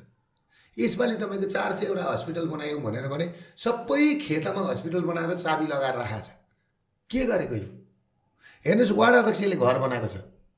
वार्ड अध्यक्षले चाहिँ डोजर किनेर चाहिँ बाटो बनाएको छ। अनि प्रदेश यस्तै छ व्यथिति सिद्धि हो त अब अहिले चैतदेखि तल खुवाउन सक्दिनँ भनेर त तपाईँको अर्थ सचिवले भन्नुभयो। यो त मैले भनेको कुरा होइन नि। मैले भन्दै थिएँ एक दिन तल खुवाउने दिन आउँछ। असारदेखि त जिरो पर्सेन्टमा आउँदैछन् त्यस पछाडि के भन्दैछन् राज्य त लगभग कोल्याप्स भयो। अब मैले जानेको कुरा आर्मीले टेक ओभर गर्यो भने यो देश मास्ला। होइन? अब आर्मीले टेक ओभर गरेन भने यो देश लगभग लगभग यो नेताहरूबाट त पार लाग्दैन। किनभने सेकेन्ड जेनेरेसनको काङ्ग्रेसकै हेरौँ न गगन थापा विश्वप्रकाश शर्माहरूबाट तपाईँहरू के आश गर्नुहुन्छ अब? अब अरू अरूबाट के आश गर्नुहुन्छ तपाईँहरू? न मैले नबुझेको कुरा है अगेन यो सेकेन्ड जेनेरेसन जुन नेताहरू छ युथ लिडरहरू भनेर भन्छ उहाँहरूलाई चलाउनै दिँदैन भनेर भन्छ पावरमा आउनै दिँदैन भनेर भन्छ। होइन उनीहरू पावरमा आए पनि उनीहरूको बानी पनि त्यस्तै भइसकेको छ। उनीहरूमा पनि त्यस्तो सोचाइ छैन। छैन। जुन यो जुन उहाँले के भन्नुभयो गगन थापा त मैले पनि गर्नुहुन्छ कि भनेर भनेको थिएँ जब जतिखेर स्वास्थ्य मन्त्री हुनुभयो नि र गोविन्द केसीलाई पुग्नुभयो नि त्यतिखेरदेखि यी मान्छे काम लाग्दैनन् मलाई काम लाग्नु हुँदैन जस्तो लाग्यो होइन? हुन त अहिले महामन्त्री हुनुहुन्छ होइन? तर तपाईँले उहाँबाट पनि पार लाग्दैन किनभनेदेखि उहाँले जुन हिसाब किताबले एमसिसी पास गराउनु भयो नि त्यस्तो चिज गर्नुहुन्छ। अब एसपिपी पास गराएर उहाँहरू के गर्न खोज खोज्नुभएको उहाँले? खोजेको के गरेको? गरेको के गरेको? यसको हिसाब किताब खोज्दैन नि जनताले। भनेपछि यत्रो विरोध भइरहेछ। किन जबरजस्ती पास गरिन्छ? त्यसले गर्दाखेरि तपाईँले के बुझ्नुहोस् भने आम पब्लिकहरूले एउटा कुरो के बुझ्नु पऱ्यो भने देशमा रहेर विदेशमा बसेका जति युवाहरू छन् नि अब सराप नै होइन। विदेशमा बसेर सराप नै होइन। आउनु पऱ्यो क्या। एकपल्ट जिन्दगीमा एक महिना यो देशलाई टाइम देऊ भन्छु म सबै युवाहरूलाई। एक महिना अमेरिकामा हुनुहुन्छ अस्ट्रेलियामा फेरि जानुहोस्। तर यो आन्दोलन यो अभियानलाई साथ दिएर यो परिवर्तन गराएर जानुहोस् भनेर मैले यो सुरुवात गरेको। म एक्लैले त के गर्न सक्छु? तर मेरो चाहना के हो भने यो मेरो अभियान तुइयो भने। यो मेरो अभियान तुइयो भने तपाईँले के सोच्नुहोस् भने कोभिडको बेलामा के लास टिपे? त्योभन्दा बढी लास टिपिन्छन् यहाँका व्यापारीहरूका। कुरा बुझ्नुभयो कि? त्यसले गर्दाखेरि र आम पब्लिकहरू अहिले केमा पुगेको छ भने अब जुन जुन ब्याङ्कले टचर दिन्छ त्यही त्यही ब्याङ्कको सिओको नाममा चिठी लेख्ने मर्ने भन्छन्। तर त्यो सुसाइड नोट चाहिँ पुलिसले लगिहाल्छ र अहिले माछेका छन्। नभए त्यो स्थिति त्यो पनि भएको छ यहाँ। नभए धेरैजना मान्छे जेल जाँदैछन्। किनभने मर्न बाध्य बनाउनेलाई त उ छ नि त। केस लाग्छ पाँच वर्ष जेल छ। र यो जुन थाम्नै नसक्ने स्थिति हो क्या? भयावह स्थिति आयो। तपाईँले एउटा कुरो मान्नु न अब तपाईँले यो इन्टरभ्यू दिने मान्छे पाउनु हुँदैन यहाँ अलिक दिनमा। यो तपाईँको ब्रोडकास्टिङमा यहाँ बोल्ने मान्छे पाउनु हुँदैन। कति अब एउटै मान्छेलाई कतिपल्ट बोलाउने? अब नयाँ मान्छे जति गएको गइ गर्छ बाहिर मान्छे छैन। हरेक समयको च्यानलहरू बन्द भइसक्यो होटेलहरू बन्द भइसक्यो लुगा दोकानहरू बन्द भइसक्यो कपडा दोकान दिनको त्यो दुई बजीसम्म बोनी हुँदैन ऊ त्यो महाबौद्धमा। हिजो पाँच लाखको व्यापार गर्ने मान्छेको अहिले दस हजारको व्यापार छैन त्यसले कसरी ऋण तिर्छ? अनि मेरो भनाइ के भन्दाखेरि यो ऋण बाबा हामी तिर्छौँ। हामीले नतिर्ने भनेको होइन। ब्याज महँगो भयो ब्याज घटाइदेऊ न यार छ पर्सेन्टमा ल्याइदेऊ न पाँच पर्सेन्टमा ल्याइदेऊ। र हाम्रो जुन दस वर्षमा तिर्नेलाई अब हामीलाई दस वर्षहरू रिसेड्युलिङ गरिदेऊ न। हामी तिर्छौँ बाबा इमानसँगले पो भनेको त।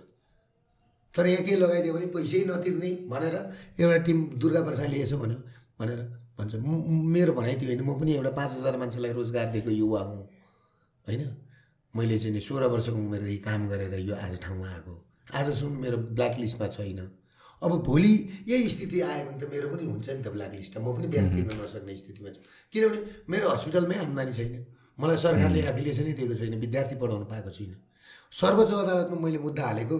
आज पाँच वर्ष भयो कहिल्यै पालो आउँदैन। के के को बेसिसमा लाइसेन्स नदिएको त? लाइसेन्सको लागि एप्लिकेसनको लागि। होइन नदिनुको कारण के हो? सबै क्राइटेरियाहरू पुगेको पुगेको छ। मेची अञ्चलमा। होइन गोविन्द केसी सुत्नुहुन्छ। गोविन्द केसीको कारणले नदिएको। अझै गोविन्द केसीको धङ्गधङ्गी छ उहाँहरूलाई। खैर चाहिँ सुत्योस् अब त्यो चेत्नु भयो होला नि त युवा जति बाहिर गइसक्यो होइन आज हजुरबुगाले नाति खेलाउन पाउन छोडो यहाँ। बाउले छोरो खेलाउन पाउँदैन।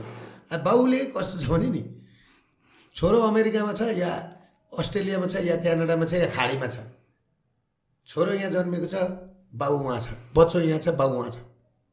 पीडा हुन्छ मलाई मेरो नाति छ कि कतिखेर हेरौँ जस्तो लाग्छ। हुँदैन। आफ्नो नातिसँग बस्न नपाउने। म यी सबैलाई भन्छु तिमीले के सम्पत्ति कमाएको छ कि आफ्नो परिवारसँग बस्न नपाउने। विखण्डित परिवार। छोराछोरीसँग बस्न नपाउने। श्रीमतीसँग बस्न नपाउने। के कमाएको यो सम्पत्ति? यस्तो त सम्पत्ति हुँदैन। अर्कालाई लुटेर अर्कालाई मारेर। यो यो स्थिति भाइ।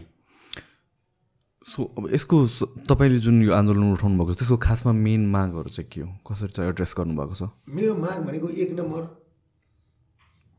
यो प्रदेश खारेज गर्नु पऱ्यो। किन भारी भयो यो प्रदेश हामीलाई? सङ्घीयता भन्छ नि सङ्घीयता पनि हुन्छ प्रदेश। किनभने यत्रो यत्रो देशमा जहाँ इन्डियामा यत्रो एक सय पचास करोड पपुलेसन छ हामीभन्दा बत्तिस बत्तिस गुणा ठुलो छ।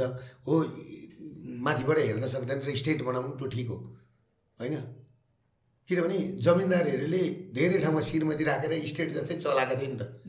मेरै बाउले पाहाडमा पनि एकजना श्रीमती झापामा पनि एकजना श्रीमती राखेर पाहाडमा पनि हेर्नुहुन्थ्यो त्यतिखेर तपाईँको टेलिफोन थिएन त्यो थिएन होइन? साधन थिएन त्यो थियो। होइन? कसैका छवटी श्रीमती थिए। कसैको कहाँ थियो होइन एउटा स्टेट जस्तो बनाएको त्यो थियो चलन। यो त यत्रो यत्रो देश। हेर्नुहोस् यो स्टेटको कारणले गर्दाखेरि जुन अहिले बनेको छ नि जुन प्रदेशको कारणले गर्दाखेरि हामीलाई कर पनि बढ्यो भ्याट पनि बढ्यो खर्च पनि बढ्यो एउटा। र उनीहरूको कार्यकर्तालाई मजा आएको छ हेर्नुहोस्। मुख्यमन्त्रीलाई स्कटिङ मुख्यमन्त्रीलाई दसवटा गाडी दसवटा गाडीमा तेल मुख्यमन्त्रीका स्वकीय सचिव हातमा बोक्ने ब्यागमा बोक्ने मुख्य सचिवका मुख्यमन्त्रीका श्रीमतीका साडी धुने पुलिस। हेर्नुहोस् त। ल यो जम्मै सारा खर्च। त्यस पछाडि तपाईँको चाहिँ अरू मन्त्री प्रदेशमा राज्य मन्त्री प्रदेशमा एउटा देशमा सोह्रजना स्वास्थ्य मन्त्री सात दुना चौध। सातवटा प्रदेशमा सातवटा स्वास्थ्य मन्त्री सात सातवटा राज्य मन्त्री। कति भयो? चौधजना? अनि माथि केन्द्रमा एउटा पन्ध्रजना सोह्रजना मन्त्री हो एउटा देशमा। सोह्रजना मन्त्री छन् स्वास्थ्य मन्त्री। बिमारीले उपचार नपाएर मरेको स्थिति हो नि त। सोह्रजना शिक्षा मन्त्री त विद्यार्थीले पढ्न पाउँदैन समयमा किताब पाउँदैन। त्यो हो नि त होइन। स्कुलहरू पनि एकदमै महँगो भएको छ नि अहिले त। स्कुलहरू महँगो स्कुलहरू चाहिँ के छ भन्दाखेरि जो मान्छेहरूले महँगो स्कुल चलाएको छ तिनीहरूले हुइमदु गरिदिएको छ। होइन? तर महँगो भन्नाले पनि के छ भने मलाई म भन्छु तपाईँलाई स्कुल महँगो हस्पिटल महँगो भन्नुभन्दा पनि नि मान्छेहरूलाई धनी पेइङ क्यापासिटी बढाउनु पऱ्यो क्या हामीले। जस्तो तपाईँले महिनाको दस लाख कमाउने वातावरण भयो भने नि तपाईँलाई केही चिज पनि महँगो हुँदैन। कुरा बुझ्नुभयो कि? हामीले गरिबलाई धनी बनाउनेतिर जानु पऱ्यो मेरो सोच चाहिँ त्यो कुरो बुझ्नुभयो? जस्तो तपाईँलाई सपोजको लागि म भन्छु एउटा हस्पिटलमा बिरामी गयो भने महँगो भाउ भन्छ एमआरआई गर्नलाई पन्ध्र हजार महँगो भाउ भन्छ।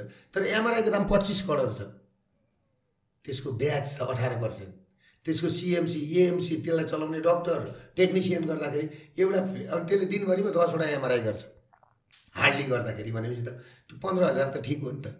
तर त्यो पन्ध्र हजार हजार पेइङ गर्न सक्ने क्यापासिटी चाहिँ बढाउनु पऱ्यो मान्छेको क्या। मान्छेलाई धनी बनाउनु पऱ्यो त्यो भयो भने किनभने सजिलो सबै कुरा ठिक हुन्छ। स्कुल पनि ठिक हुन्छ। सबै कुरा ठिक हुन्छ। तर हाम्रो पेइङ क्यापेसिटी नभएर महँगो भएको सबै कुरा। यो कुरो बुझ्न जरुरी छ हामीले। हेर्नुहोस् तिस हजार दिएको छ एउटा पुलिसलाई। बिचरा त्यो त्यो पुलिसले अनि कसरी बोर्डिङ स्कुलमा पढाउन सक्छ त?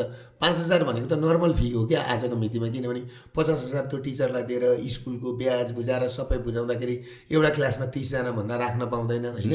त्यो सबै कुरा बुझिदिनुपर्छ क्या मान्छेको। होइन? अब भन्सार तिर्नुपर्छ ट्याक्स तिर्नुपर्छ सबै कुरा तिर्नुपर्छ फ्री केहीमा छैन। त्यसमा दस पर्सेन्ट फ्री पढाउनुपर्छ। ऊ यो भनाइ मात्रै हो यो सबै बुझाउनेमा छन् कुरो भन्नु भने यो फ्री यो यो तपाईँले के भन्नु भने सबैभन्दा यो देशमा कमाएकै ब्याङ्कले अरू कसैले पनि कमाएको छैन। स्कुलबाट पनि त्यस्तो छैन। अँ रातो बङ्गलाकोले कमाएको छ है। कनकमुनिवालाको स्कुल ऊ छ। तर उसैले बढी महँगो भयो भनेर शिक्षा नियम ल्याउने ऊ अनि मेडिकल कलेज हुनु हुँदैन भनेर गर्ने त कनकमुनि नै हुन्। तर कनकमुनिकोमा नर्सरीलाई पचपन्न हजार पर्छ अरे। त्यहाँ चाहिँ कसैले खोज्दैन? खोज्नु पऱ्यो नि। हँ हो कुरा त्यो छ। किनभने कसैले कुरो उठाएन। कनकमुनिले ठोक्छ है हिमालले भनेर। मलाई त ठोके पनि केही फरक पर्दैन भनेर मैले भनेको हो नि त। तपाईँलाई प्रेसर आउँदैन माथिबाट? होइन मलाई त्यो प्रेसरबाट म टिर्दै टिर्दिनँ नि। म त एउटा कुरो म क्यान्सर सर्भाइभर मान्छे हो हेर्नुहोस्। म म त हेर्नुहोस् ठुलो अपरेसन गरेर बाँचेको मान्छे हो। अब ठुलो प्रेसर आयो भने गोली आउला। मलाई सबै कुरा मेरो यिनीहरूले हेरिसके। मैले सुन्दैछु मलाई वैशाखमा चाहिँ प्लान गरेर पक्रिने। यो चाहिँ नि उसले ब्याङ्क विरुद्ध बोल्यो व्यतिथि विरुद्ध बोल्यो। त मैले बोलेको कुरा आज सडकमा त आयो नि त जोसुकीले ल्याए पनि। तीभित्र घुसपेट हुन थाल्यो अहिले। होइन? आवाज त मैले उठाइदिएको हो नि त। ब्याजको सुदको मिटर ब्याजको लघुवित्तको सहकारीको ब्याङ्कले सिद्ध्यायो भनेर त आवाज त काठमाडौँसम्म मैले ल्याइदिएको हो नि त। हो नि त फागुन बिस गते। हो कि भन्नुहोस् त? फागुन बिस गते मैले एभरेस्ट होटल अगाडिबाट चाहिँ मैले भनेको थिएँ नि। खबरदार भनेर। त्यस पछाडि त आउनु थाल्यो नि त। हिँडेर आउँदैछन्। तपाईँले के बुझ्दैछन्? जस्तो सुकै प्रेसर भयो भने नि। अब दुई लाख महिलादेखि तिन लाख महिलाहरू नानी चेपेर आउँदैछन् काठमाडौँ। छिट्टै। हिँडेर आउँछन्। अनि चलाउँछ नि गणतन्त्रको सरकारले डोजर। म अहिले पनि प्रधानमन्त्रीलाई के भन्छु भने नि त्यो फुटपाथमा भएको आइमेछ नि माइती घर मण्डलामा भएको सत्तरीजना ती महिलाहरूले फाइभ स्टार होटल छ नि परतिर। त्यो धनी त बसेकै छ नि फाइभ स्टार होटलमा। ती गरिबलाई लगेर वान नाइट त्यहाँ राखेर फाइभ स्टार डिक्स खुवाएर ल तिमीहरूको लागि म छु देश छ। तिमीहरूको लागि स्टेट छ। तिमीहरूको लागि यो देशको सरकार छ प्रधानमन्त्री छ भनेर नि तिनीहरूको ऋण मिना गराउन सक्ने प्रधानमन्त्री खोजेको छ यो देशमा। कुरा बुझ्नुभयो? गर्न सकिन्छ होला त। ऋण बिना गर्न सकिन्छ होला त। कहाँबाट आउँछ त त्यो सबै फेरि पैसा? तपाईँले एउटा कुरो राज्यको लागि कहाँबाट आउँछ भन्ने कुरो सोच्नु हुँदैन क्या। राज्यले त्यसरी सोच्नु हुँदैन। त्यो तपाईँ हामीले त्यो त्यो सोच्ने राज्य सञ्चालन गर्न जान्ने मान्छेको कुरो हो त्यो। किन त्यहाँ जानु त? जस्तो वाइडेनले ब्याङ्क ढल्दाखेरि नि एउटा ब्याङ्कको ढल्ला त अमेरिका ढल्या छैन भने नि त। तिम्रो नआत्यो भने नि त हँ? अनि हाम्रो सरकारले भन्न नसक्ने। ल भन्नुहोस् त त्यहाँको त्यही सिस्टम चाहिँ त्यही अनुसारको पैसा चाहिँ यहाँ हाम्रो छ तपाईँलाई केही छैन यो भन्नलाई हुँ। छ सात खर्ब रुपियाँको कुरो हो छ सात खर्ब रुपियाँ भनेको नि ठुलो कुरो होइन यिनीहरूले दुबई र सिङ्गापुर हङकङमा लगेर राखेको पैसा नि आँखा झिमिक्क गर्दाखेरि पुग्ने पैसा हो सकिन्छ सो जुन अमेरिकामा जुन यो ब्याङ्कको क्राइसिस भइरहेको छ त्यसले हामीलाई अफेक्ट गर्छ कि गर्दैन अमेरिकामा ट्विन टावरमा। ओसामा बिन लादेनले बम त्यो जहाज पड्काउँदाखेरि यहाँ तपाईँले बुझ्नुभयो पैँसठी रुपियाँ थियो एयरपोर्ट चार्ज एक सय पैँसठी रुपियाँ सय रुपियाँ बढाएको थियो। एयरपोर्ट चार्ज सो त्यहाँको इफेक्ट आउनु बाँकी छ किनभने त्यहाँ त अझ इफेक्ट त बढ्दैछ। बढ्दैछ। वान आफ्टर अनदर ब्याङ्कहरू त गइरहेछ। त्यहाँ इफेक्ट पर्दा यहाँ चाहिँ डरलाग्दो हुन्छ। यो बुझाएको छैन त्यही भएर त यिनीहरूले सबैभन्दा अहिलेको सेफ जोन भनेको तिनवटा देश हो। वर्ल्डमा दुबई हङकङ सिङ्गापुर कुरा बुझ्नुभयो कि। यिनीहरूले सबै सेटलमेन्ट गरिरहेको छ मारवाडीको फर्स्ट लेयरको मात्रै छ नि व्यापारीहरू। यहाँ सेकेन्ड लेयरको छोराहरू नातिहरू त सबै बाहिरै छ नि। कुरो बुझ्नु भएन। सो जुन अहिलेको अघि हामीले पोलिटिक्सको पनि हल्का कुरा गऱ्यौँ। सेकेन्ड लेयर अफ पोलिटिसियनहरूको कुरा गऱ्यौँ होइन? सेकेन्ड लेयर अफ यो पोलिटिसियनहरू जो पहिलादेखि नै हुनुहुन्छ त्यो त भइ नै हाल्यो तर रिसेन्ट टाइममा धेरैजना युथहरू पनि छिरिरहनु भएको छ पोलिटिक्समा तपाईँलाई होप छ कि छैन उहाँहरूसँग चाहिँ? होइन युवाहरू अहिले मसँग मैले बुझ्दाखेरि जुन एउटा रवि लामी छानेको एउटा युवा भनेर जम्मै युवाहरू आए होइन। तर रवि लामी छानेकोमा पनि के देखियो भने रवि लामी छानेले अब भन्दाखेरि चाहिँ नि भन्छन् होइन तर रवि लामी छानेको एउटा कुरो मिस्टेक भयो क्या। एउटा सुरुमा के मिस्टेक भयो भने उहाँ मन्त्री भएर जानु हुँदैन थियो। कारण? होइन उहाँको थोरै सिट थियो उहाँले जनताको आवाज उठाउनु पर्थ्यो क्या।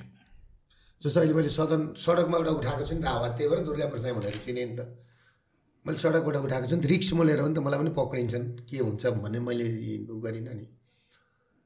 तर उहाँले एक नम्बर कुरो गृहमन्त्री भएर जानु हुँदैन थियो उहाँलाई फसाउने चाल थियो क्या त्यहाँ। एउटा कुरा। अर्को कुरो मैले त्यतिखेर मैले सल्लाह पनि दिएँ कति उहाँकै निकट मान्छेलाई। दिँदाखेरि उहाँहरूले के भने होइन जानैपर्छ पोखरीमा पोखरी फोहोर छ। पोखरीको डिल मैले के भने डिलमा बसेर हेर है पहिला। त्यहाँ बिच्छी छ गोही छ पुरानो गोही छ यत्र यत्र दारा निस्केका चिज छन् खाना पल्केका चिज छन् हो कि होइन? जुन पानी फिल्टर गर्दा फिल्टरै हुँदैन। होइन? गर है भन्दा होइन? पोखरीभित्र पसेर फिल्टरै गर्ने हो साफै गर्ने हो भनेर पसेँ। अहिले गएर के स्थिति बनाइदिए भन्दाखेरि त्यो त हो। उहाँलाई उहाँ एक एक झट्का त उहाँको गइसक्यो नि त। जुन जुन क्रेज थियो त्यो तपाईँ आफै भन्नु त फिफ्टी पर्सेन्ट डाउन भयो डाउट हुन थाल्छ कि मान्छेहरूलाई अब। डाउट भइसक्यो। अब त्यस पछाडि के भयो भन्दाखेरि उहाँले केपी ओलीको सङ्गत गर्नुभयो। त्यस पछाडि अहिले आएर ठ्याक्क फेरि हिजो अस्ति राष्ट्रपतिको चुनावमा उहाँले भाग लिनु हुँदैन थियो साँच्चै भन्यो भने ल म अब तटस्थ बस्छु यो ठिक रहन्छ भनेर बस्नु पर्थ्यो। उहाँले राष्ट्रपतिलाई चाहिँ साथ दिनु भएर प्रचण्डको थवको दौरा समाउनु भयो अब अहिले मैले सुनेको चितवनमा उहाँ उहाँलाई माओवादीले सहयोग गर्ने अरे। सुन्नुहोस् है कुरा। माओवादीले सहयोग गर्ने अरे मैले सुनेको। त्यो भएपछि मान्छेले कसरी विश्वास गर्छन्। कसरी विश्वास गर्ने? गर्ने कसरी? र एउटा के भएको छ भन्दाखेरि तपाईँको एक किसिमको अस्ति आयो नि त स्वतन्त्र नयाँ क्रेज भएको मान्छे नयाँ मान्छे भनेर आयो नि।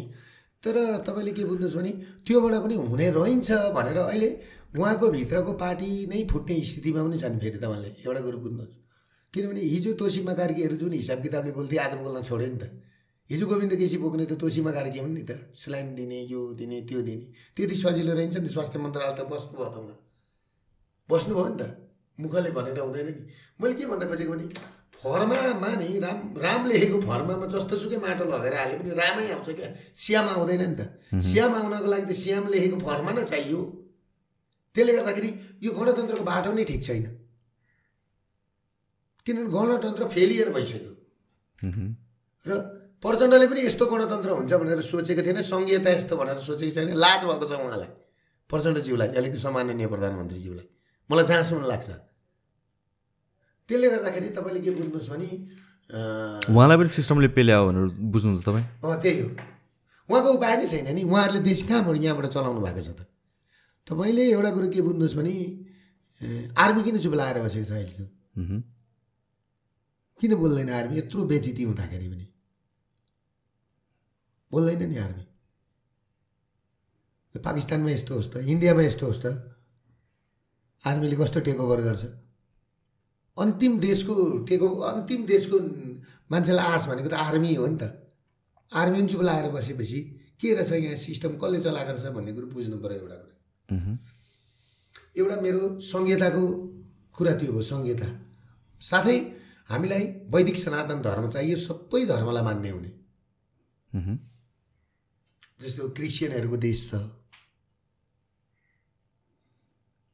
मुसलमानको देश छ इस्लामको देश छ बुद्धिस्टको देश छ सिखको देश छ इसाईको देश छ तर हाम्रो देशको हिन्दू।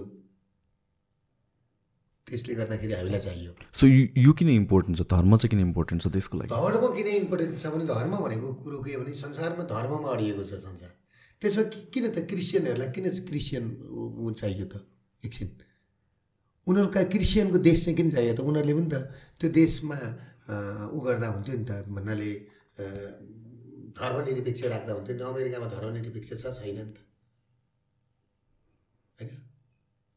त्यसले गर्दा यहाँ त के भयो त मलाई थाहा छ? बाउको क्रिया नगर्ने आमाको क्रिया नगर्ने मठ मन्दिरै मन्दिर भएको ठाउँ हो नि त यो त अहिले होइन नि त। हँ? ऋषि मुनिहरूले तपस्या गरेको ठाउँ हो भगवान्हरूले तपस्या गरेको ठाउँ हो नि हो नि। त्यसले गर्दाखेरि हामी धर्ममा चुक्यौँ जहाँ गएर धर्ममा चुकिन्छ नि। गीतामा के भनेको छ भने गीताको दोस्रो अध्यायमा जतिखेर पृथ्वीमा पापीहरू गर्छन् वर्णशङ्करले राज गर्छ। वर्णशङ्कर भनेको चाहिँ कुरा के हो भने अवैध सन्तान हो पापीहरू हो। तिनीहरूले राज गरिसकेपछि त्यो देशमा कोही पनि बस्न सक्दैन। भनेर भन्छन् क्या। त्यो चाहिँ अन्तिम अन्तिम स्थितिमा हुन्छ अरे क्या। त्यो स्थिति हो। र म गीताको गाइडलाइनमा हिँडेको मान्छे हो।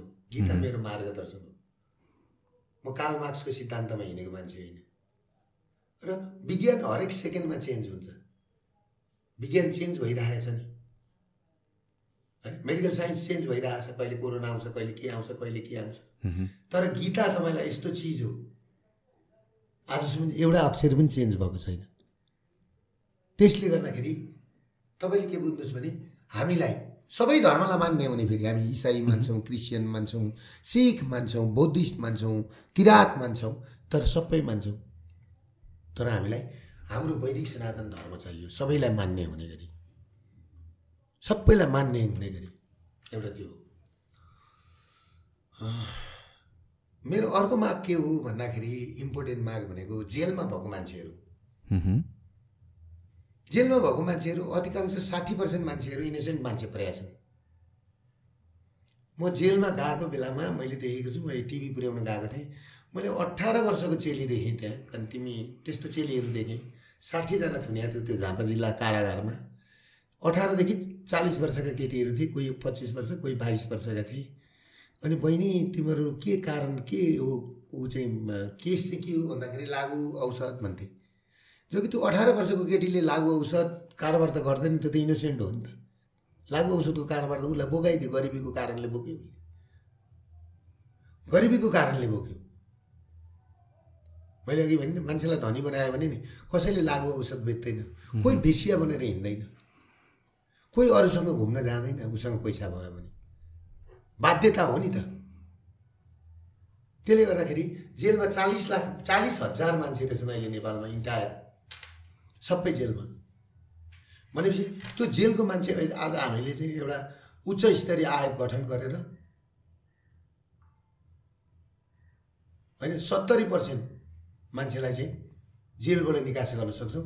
एउटाले झन्डै दुई सय पचास रुपियाँ खाँदो रहेछ चामल भत्ता सत्ता गर्दाखेरि।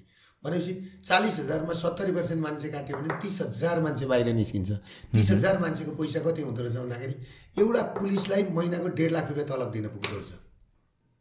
त्यही पैसाले र मैले रहको अरू रहको मान्छेहरूको लागि के गरौँ भन्दाखेरि अरू पनि छ त्यति गर्दा आठ दस हजार मान्छे रहन्छ। तिनीहरूलाई नर्सिङ शिक्षा दिउँ। जो कि ऊ जेलबाट निस्केर आएर फेरि बाहिर आफ्नो काममा जाओस्। तर उसलाई के गरेको छ तपाईँलाई थाहा छ? आज ज्यान मारेको मान्छे पन्ध्र दिन पछाडि फेरि ज्यान मारेरै उहीँ जान्छ किनभने उसको सोसाइटी नै त्यहाँभित्र बनिसकेको। हुन्छ। बुझ्नुभयो नि तपाईँले कुरा। भनेपछि जेल भनेको त एउटा शिक्षा घर सुधार गृह हुनु पऱ्यो। हो। मेरो त्यो मागमा के छ कसरी पुलिसलाई महिनाको डेढ लाख हुन्छ भने हुन्छ। यो काम गऱ्यो भने हुन्छ किनभने म एउटा बिजनेसम्यान हो कसरी कम गर्ने भन्ने कुरा हुन्छ नि त। खर्च कम गरेर उता गर्न सकिन्छ। अर्को कुरो पचहत्तरवटा जिल्लामा पचहत्तरवटा जेल छन्। भनेपछि पचहत्तरवटा जेललाई कति खर्च चाहिन्छ? त्यहाँ ड्युटी खटाउनु पऱ्यो पुलिस प्रशासन भवन। त्यसलाई के गर्नु पऱ्यो भन्दाखेरि तपाईँको त्यो जेललाई ठिक ठिक ठाउँमा सार्नु पऱ्यो जस्तो पोखरा पश्चिमको पोखरा। पूर्वको विराटनगर यस्तो सेन्टर पारिसकेपछि ठुलो ठुलो सात आठ सय बिघाको कम्पाउन्ड लिएर होइन चार पाँच हजार चार पाँच हजारको एउटा जेल बनाइदिएर त्यहीँभित्र कलेज गरे गर्ने। त्यहीँभित्र चाहिँ सबै सिकाउने र उनीहरूलाई सश्रम शिविरमा लानु पऱ्यो जस्तो पोखराको एयरपोर्ट बनाउँदाखेरि तपाईँको चाइनाको उसले जेलको मान्छे ल्याएर पोखराको एयरपोर्ट बनाएर पठाएको। तपाईँलाई यो कुरा नोटिसमा छ कि छैन? त्यो भएपछि के भयो भन्दाखेरि उनीहरू बाहिर पनि आयो काम पनि गर्यो पैसा पनि पठायो घरमा। अनि जिन्दगी हो नि त मान्छेलाई। होइन? त्यसले गर्दाखेरि जेलको हिसाबमा त्यो हो मेरो कुरा। म एउटा कुरा तपाईँलाई सोधिहालौँ है। तपाईँ मेडिकल ब्याकग्राउन्डको पनि मान्छे हो तपाईँ बिजनेसको ब्याकग्राउन्डको पनि मान्छे हो र लागु औषधको कुरा पनि गऱ्यौँ हामीहरूले। नेपालमा जहिले पनि यो गाँजाको कुरा आउँछ लिगलाइज गर्ने कि नगर्ने भनेर। किनभने मे वेस्टर्न मेडिकल साइन्सले त कतिवटा पोजिटिभ एस्पेक्टहरू देखाइरहेको छ अहिले मेडिसिनल युजमा भइरहेको छ। नेपालमा अब कुरा के पनि आउँछ भनेपछि यहाँ लिगलाइज गऱ्यो भने सोसाइटी के भएर जाने भन्ने कन्सर्न पनि आउँछ। तपाईँ चाहिँ त्यो विषयमा चाहिँ के छ तपाईँको ओपिनियन लिगलाइज गर्ने कि नगर्ने? मेरो माग नै छ नि। तेह्र नम्बरमा। गाँजा विभिन्न किसिमको औषधि भएकोले गर्दाखेरि त्यसलाई वैधानिकता दिनुपर्छ भन्ने हो। त्यसलाई लिगल गर्नुपर्छ। किनभने होइन एउटा कुरो के छ भने नि समाज बिग्रिँदैन कसरी बिग्रिन्छ? हेर्नुहोस्। न मान्छे छोरीहरू बिग्रेका छन् नि छोराहरू बिग्रिएका छैनन् त। त्यतिकै पनि बिग्रिया छन् नि। जस्तो गाडी पनि त खत्रै हो नि पिचमा कुद्दाखेरि। सबै कुरामा रिक्स छ नि। हावाजहाज पनि त रिक्स हो नि त चढ्न। तर कन्ट्रोल गर्नु पऱ्यो नि त्यसलाई पनि। किनभने त अब यो इलिगल भए पनि अब हामी सबैलाई थाहा छ मजाले खुलेआम त बेचिरहेको छ किनेले किनिरहेको छ बेच्नेले बेचि नै रहेको छ। भन्यो भनेपछि मैले पनि त्यही हिसाबले सोच्छु लिगलाइज गऱ्यो भने चाहिँ त्यसले कसरी सोसाइटीलाई नेगेटिभली इम्प्याक्ट गर्ला? र कि झन् एउटा कन्ट्रोल स्ट्रक्चर्ड वेमा जान्छ कि? होइन होइन, यसलाई कन्ट्रोल गर्न सकिन्छ। यसलाई कन्ट्रोल गरेर जस्तो एकछिन नि सिगरेटले पनि त हानि त पुर्याएको छ नि त। तर खाइरहेको छ नि त। जस्तो रक्सी भनौँ न रक्सी त- मापसी त गरिन्छ नि त। खाइरहेको छ नि त। हो हो। खाइन्छ नि त। खाने नखाने जस्तो म रक्सी खाँदिनँ।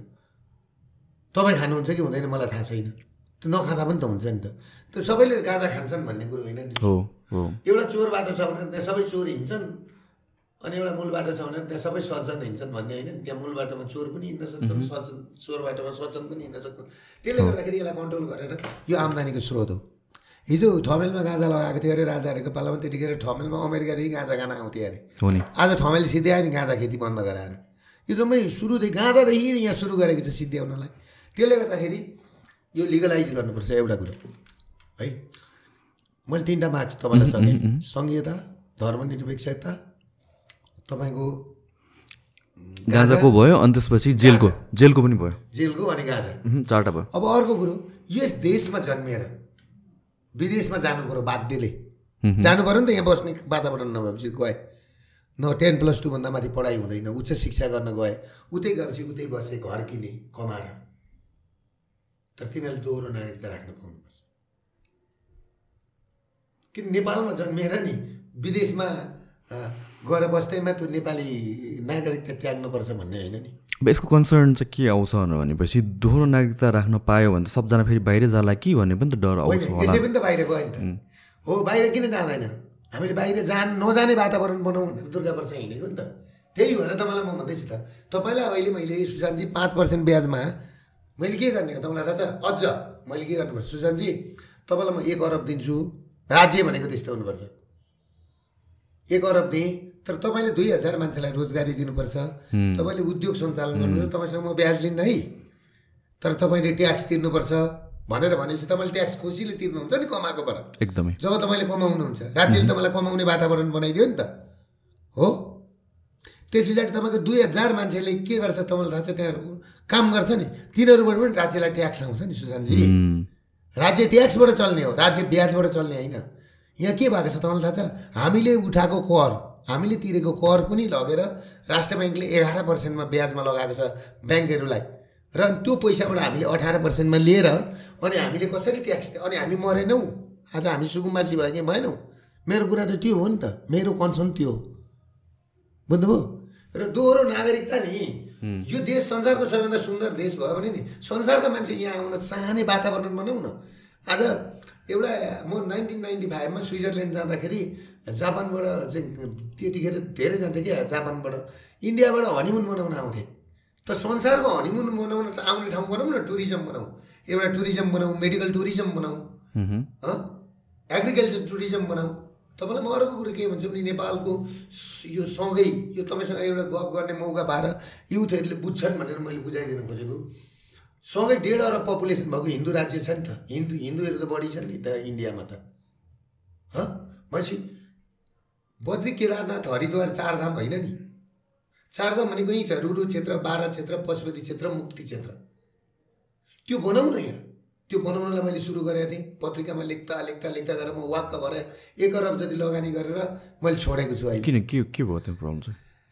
कहिले के भनेको छ कहिले के भनेको छ कहिले के भनेको छ अब खोलो बाँध्नुपर्ने भयो त्यो खोलो बाँध्न वनको ऊ भनेर भनेको छ अब यस्तो त छ। त्यो बनाउनै पर्छ खोलाको छेउमा चारधाम भनेपछि पानी चाहिन्छ केबुल कार लगेर पाहाडको बिचमा होइन? ए बाबा गर्छु बिस हजार मान्छे दिनको त्यहाँ ल्याउँछु। मैले त कति सिधा छु त्यो कुकुरको पनि होस्टेल गौशाला गुरुकुल अनि छ छ सय बेडको तपाईँको होटेल अनि चारधाम संसारका मान्छे चाहिँ घुम्न आउन् बोट गर्ने ठाउँ पानी थुनेर बिस किलोमिटर जति पानी जमाएर त्यो प्लान गरेको थिएँ मैले। गर्दै दिँदैनन् यहाँ। खुट्टा तानेको ताने पत्रकारहरूले। त्यसले गर्दाखेरि तपाईँको हामीले मेडिक धार्मिक स्थल बनाउनु पऱ्यो धार्मिक धार्मिक टुरिज्मलाई के भन्छ? इङ्ग्लिसमा? म त इङ्ग्लिस बुझ्दिनँ। रिलिजियस टुरिज्म होला नि होइन? त्यो टुरिज्म बनाउनु पऱ्यो होइन? र हामीलाई केही चाहिँदैन मैले अघि भने नि हामीलाई आज रेलको आवश्यक छैन रेल कुदाउने भनेको मिनिमम पच्चिसदेखि तिस करोड पपुलेसन चाहिन्छ यो देशमा। एउटा मात्रै रेल कुदाएर हुँदैन नि। अब यहाँ एउटा रेल ल्याएको छ कि अनि त्यहाँबाट त्यो रेल काँकर भिटा गयो भने नि अनि भोलिपल्ट सुन रुँगेर बस्नु त फर्केर आइन्जेलसम्म। रेल भनेको त दुई तिन मिनटमा आउँछ होइन चाइनातिर। भेजा कस्तो हो भेजा? यो रेलमा भोलि सुन रुँगेर बस्नुपर्छ बाटोमा रेल स्टेसनमा। रेल स्टेसनमा पो ल परेर बच्चा। हो? अँ, हो कि होइन? ठिकै। त्यसले गर्दाखेरि हामीलाई एट लेनको बाटो एउटा चाहिन्छ क्या एट लेनको। स्टेट बाटो एट लेनको भयो भने पूर्व मेचीबाट पश्चिम महाकाली भनेको छ घन्टाको बाटो हो ड्राइभिङ। त्यसमा हाल न हाल्नु न तपाईँ छ घन्टाको बाटोमा यार कार हाल्नुहोस् न इलेक्ट्रिक कार हाल्नुहोस् तपाईँको इलेक्ट्रिसिटी खपत हुन्छ। इलेक्ट्रिक बस हाल्नुहोस्। हँ? डबल डेकोरका इलेक्ट्रिक बस हालिदिनुहोस् न। सकियो त कुरो। हो? सयजना मान्छे पुग्ने बस हालिदिँदा भएन इलेक्ट्रिक बस। फेरि कुदाइदिनुहोस् न इलेक्ट्रिक बस। फेरि। जहाँ गए पनि दस रुपियाँतिर। सकिएन कुरो? इलेक्ट्रिक पैसा उठ्छ त। त्यसले गर्दाखेरि तपाईँले के बुझ्नुहोस् भने त्यो त्यो हुनुपर्छ नेपालमा। अर्को कुरो के छ भन्दाखेरि जस्तो माउन्ट एभरेस्ट छ नि माउन्ट एभरेस्ट यो यो चिजहरू। जस्तो दिने नि जस्तो दुबईको राजकुमारलाई दिन कन्फरेन्स लाऊ भाइ। तिमी घर बनाऊ यार या माउन्ट एभरेस्टको फेदमा एउटा एउटा होटेल बनाऊ। तिमीलाई पचास वर्षलाई लिजमा भयो। अन्नपूर्ण बिच क्याम्प अर्कोलाई दिने कि उनीहरूले बोकेर लान्छ? लाँदैन नि बुर्ज खलिफा बुर्ज खलिफा बनाउँदा बनाउँदै बुर्ज दुबई हो नि त। भरे गएर बनाउँदा बनाउँदा पैसा भएन त्यतिखेर दुबईको माध्यमले के सोचेछन् भन्दाखेरि म त उनीहरूको घरमा जाने मान्छे हो नि त। के सोचेछन् भने अनि त्यहाँबाट पैसा सकेपछि। अनि खलिफा बढीबाट एउटा पैसा राख्यो ल खलिफा राख्नु न त चाहिँ उसले यसो सोचेछ ल बुर्ज खलिफै राखिदिने। अरे बुर्ज खलिफा त दुबईमा न छ। आबुधाबीमा त छैन नि त। खलिफा भनेर चाहिँ किन राखेको अरे? खलिफा परिवारको हो नि त उता ए। कुरो बुझ्नु पऱ्यो अब अहिले उनीहरूसँग पैसा भयो बुर्ज दुबई बनाउँदैछ बुझ्नुभयो कुरो? भनेपछि यो माउन्ट एभरेस्ट त बोकेर लाँदैन नि। बिन सलमानलाई दिउँ। सालमा एकचोटि आउँछन् दुई दिन बस्छन्। उनीहरूले दुबई साउदीको सबै सुल्तानहरूले सबै टापु किनेर राखेको छ नि बाहिर।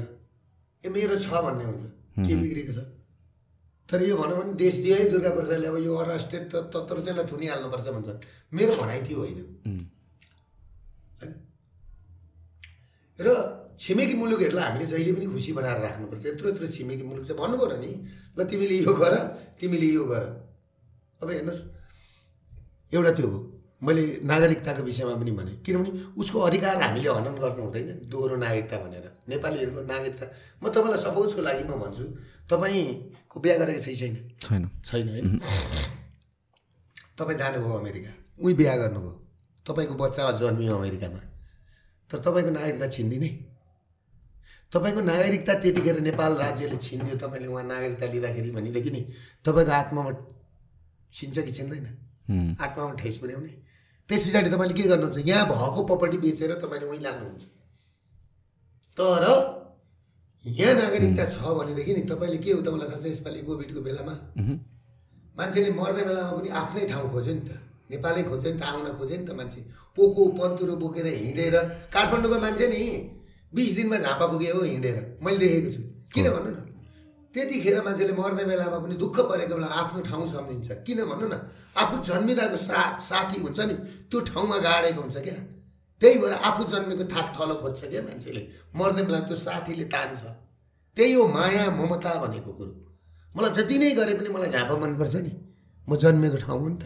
मेरो बालकपन त्यहाँ बितेको छ नि त। मेरो प्राणभन्दा प्यारो छ नि त्यो धरती। कुरो बुझ्नु भएन? हो त्यसले गर्दाखेरि नि अर्काको नागरिकता थिच्नु थुत्नु हुँदैन। कुरो बुझ्नुभयो तपाईँले? मैले त्यतिकै बोलेको होइन यो कुरा। हो। अब दुइटा अब अब अर्को कुरा के छ भन्दाखेरि अब माग त त्यहाँ सोह्रवटा तेह्रवटा छन्। ए अनि अर्को कुरो के छ भने दुई हजार छयालिस पछि जो अहिले पचपन्नजना जति पनि व्यापारी छन् नि यिनीहरूको सम्पत्ति छ नि छानबिन हुनुभयो। यिनीहरूको इक्विटी कति थियो सम्पत्ति कहाँबाट आयो?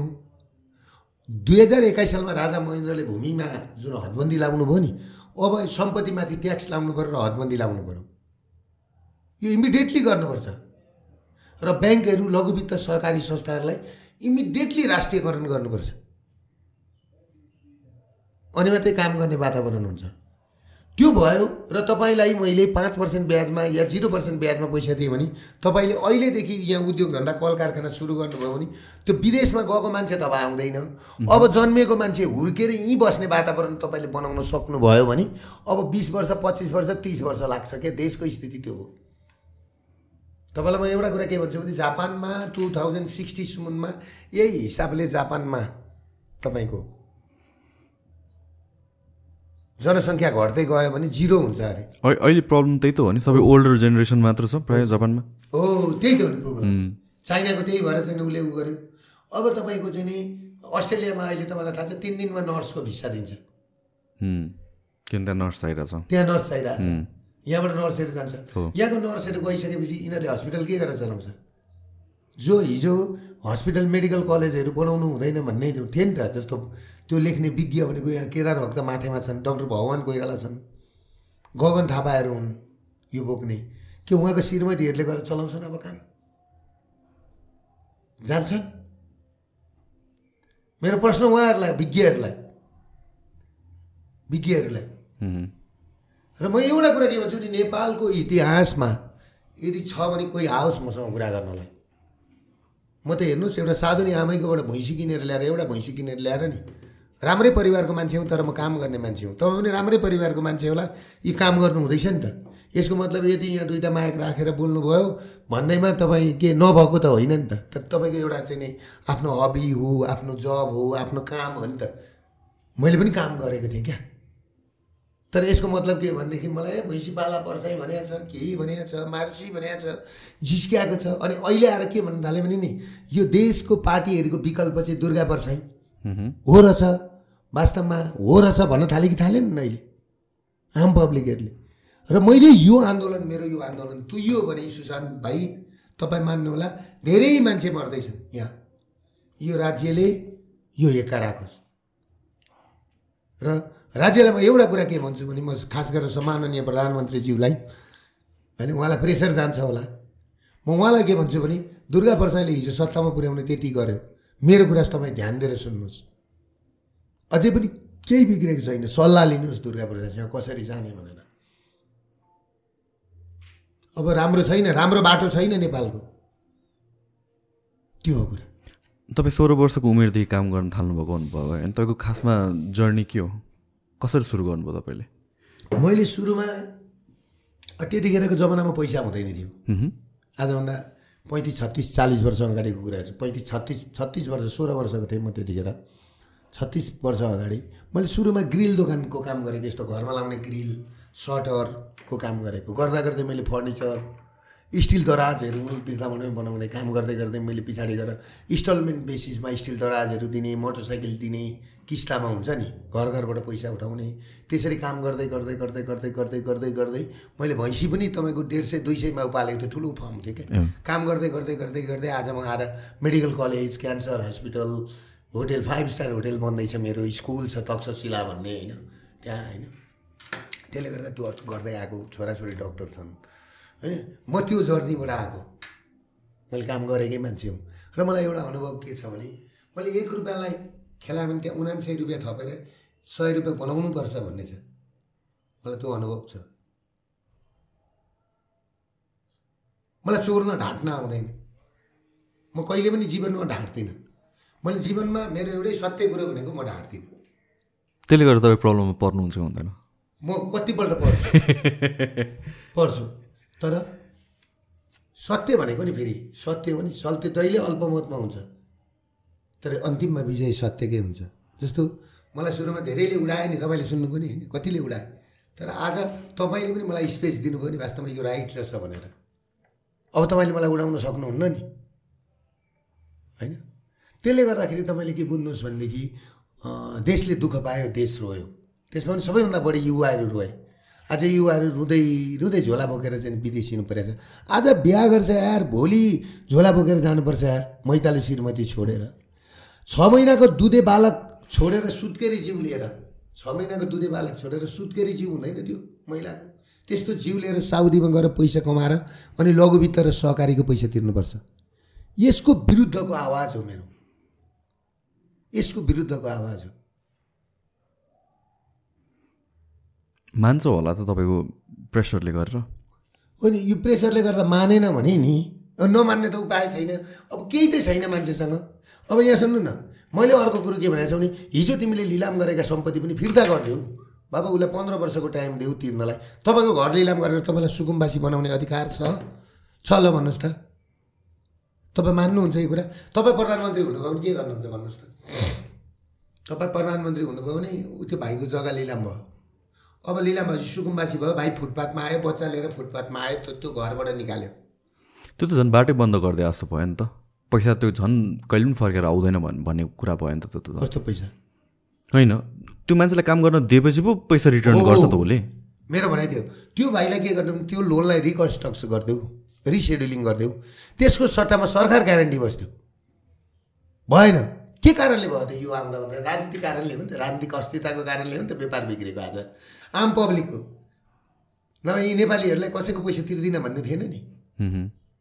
के हो भन्दाखेरि कहिले चाइनालाई खुसी बनाउने इन्डियाले टिटिक गर्ने इन्डियाले नाका लगाइदियो व्यापारीलाई नै प्रेसर।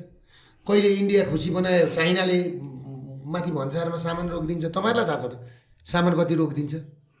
त्यो जाड जाडोमा आउने लुगा गर्मीमा आउँछ दसैँमा आउने लुगा दसैँ सकेपछि आउँछ। अहिले त्यही नै भइरहेको त्यही नै भएको छ। अनि व्यापारी कसरी टिक्छ। मैले आम व्यापारीहरूको कुरा गरेको व्यापारीको हरेक पब्लिकको कुरा गरेको किनभने मैले जीवनमा भोगेको अनुभवको कुरा गरेको। र त्यसलाई तपाईँले कसरी सल्युसन गर्ने? हो त्यही भएर हामीलाई गार्जेन चाहियो। आज के भन्छन् थाहा छ? मलाई फोन गरेर। दार्जु लागि आमै पनि नि। मेरो फोटो हेरेर यो मान्छे चाहिँ छ है। हामीलाई लघु वित्त र सहकारीले खेद्दैन भनेर बस्छन् अरे। एउटा आशा र भरोसाको त मान्छे दुर्गा प्रसाद बन्यो नि त आज। खोलापारीको बत्ती हेरेर हामी बसे जस्तो। टाढाको क्षितिज हेरेर नि बसे जस्तो। राति सुत्दाखेरि नि अब भोलि बिहान उज्यालो हुन्छ भने हामी त आशाको मान्छे हौँ क्या। भरोसा बिनाको जिन्दगी हो जिन्दगीको भरोसा छैन। तर आशामा बाँचेको मान्छे हौँ हामी। त्यसले गर्दाखेरि हामीले के गर्नुपर्छ भने सुशान्त भाइ देश रोयो युवाहरू रोए। र युवाहरूलाई म के भन्छु भने एक महिनालाई तपाईँहरू आइदिनुहोस् नेपाल सम्पूर्ण युवाहरू। एकपल्ट मिलौँ यो अभियानलाई सफल पारौँ। म प्रधानमन्त्रीलाई पनि आह्वान गर्छु। सम्पूर्ण युवाहरूलाई आह्वान गर्छु। त्यो हो कुरा। यो चुनावमाथि चुनाव गरेर केही हुनेवाला छैन। मुलुक बन्नु पऱ्यो हाम्रो मेरो कुरा त्यो।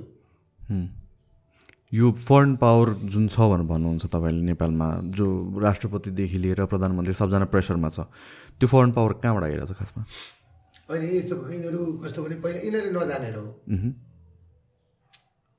इन्डियालाई खुसी बनाउन चाइना चलाए चाइनालाई खुसी बनाउन इन्डिया चलाए अब इन्डिया र चाइना गर्दा गर्दै अमेरिकालाई ल्याएर छिराए अमेरिका आएर यहाँ छिरिसकेपछि चाइनालाई पनि टेन्सन अमेरिका इन्डियालाई पनि टेन्सन हुन्छ उसलाई त भोलि छोड्नेवाला छैन किनभने यहाँ सबैभन्दा ठुलो खानी भनेको लिथियम कपर र युरेनियमको छ।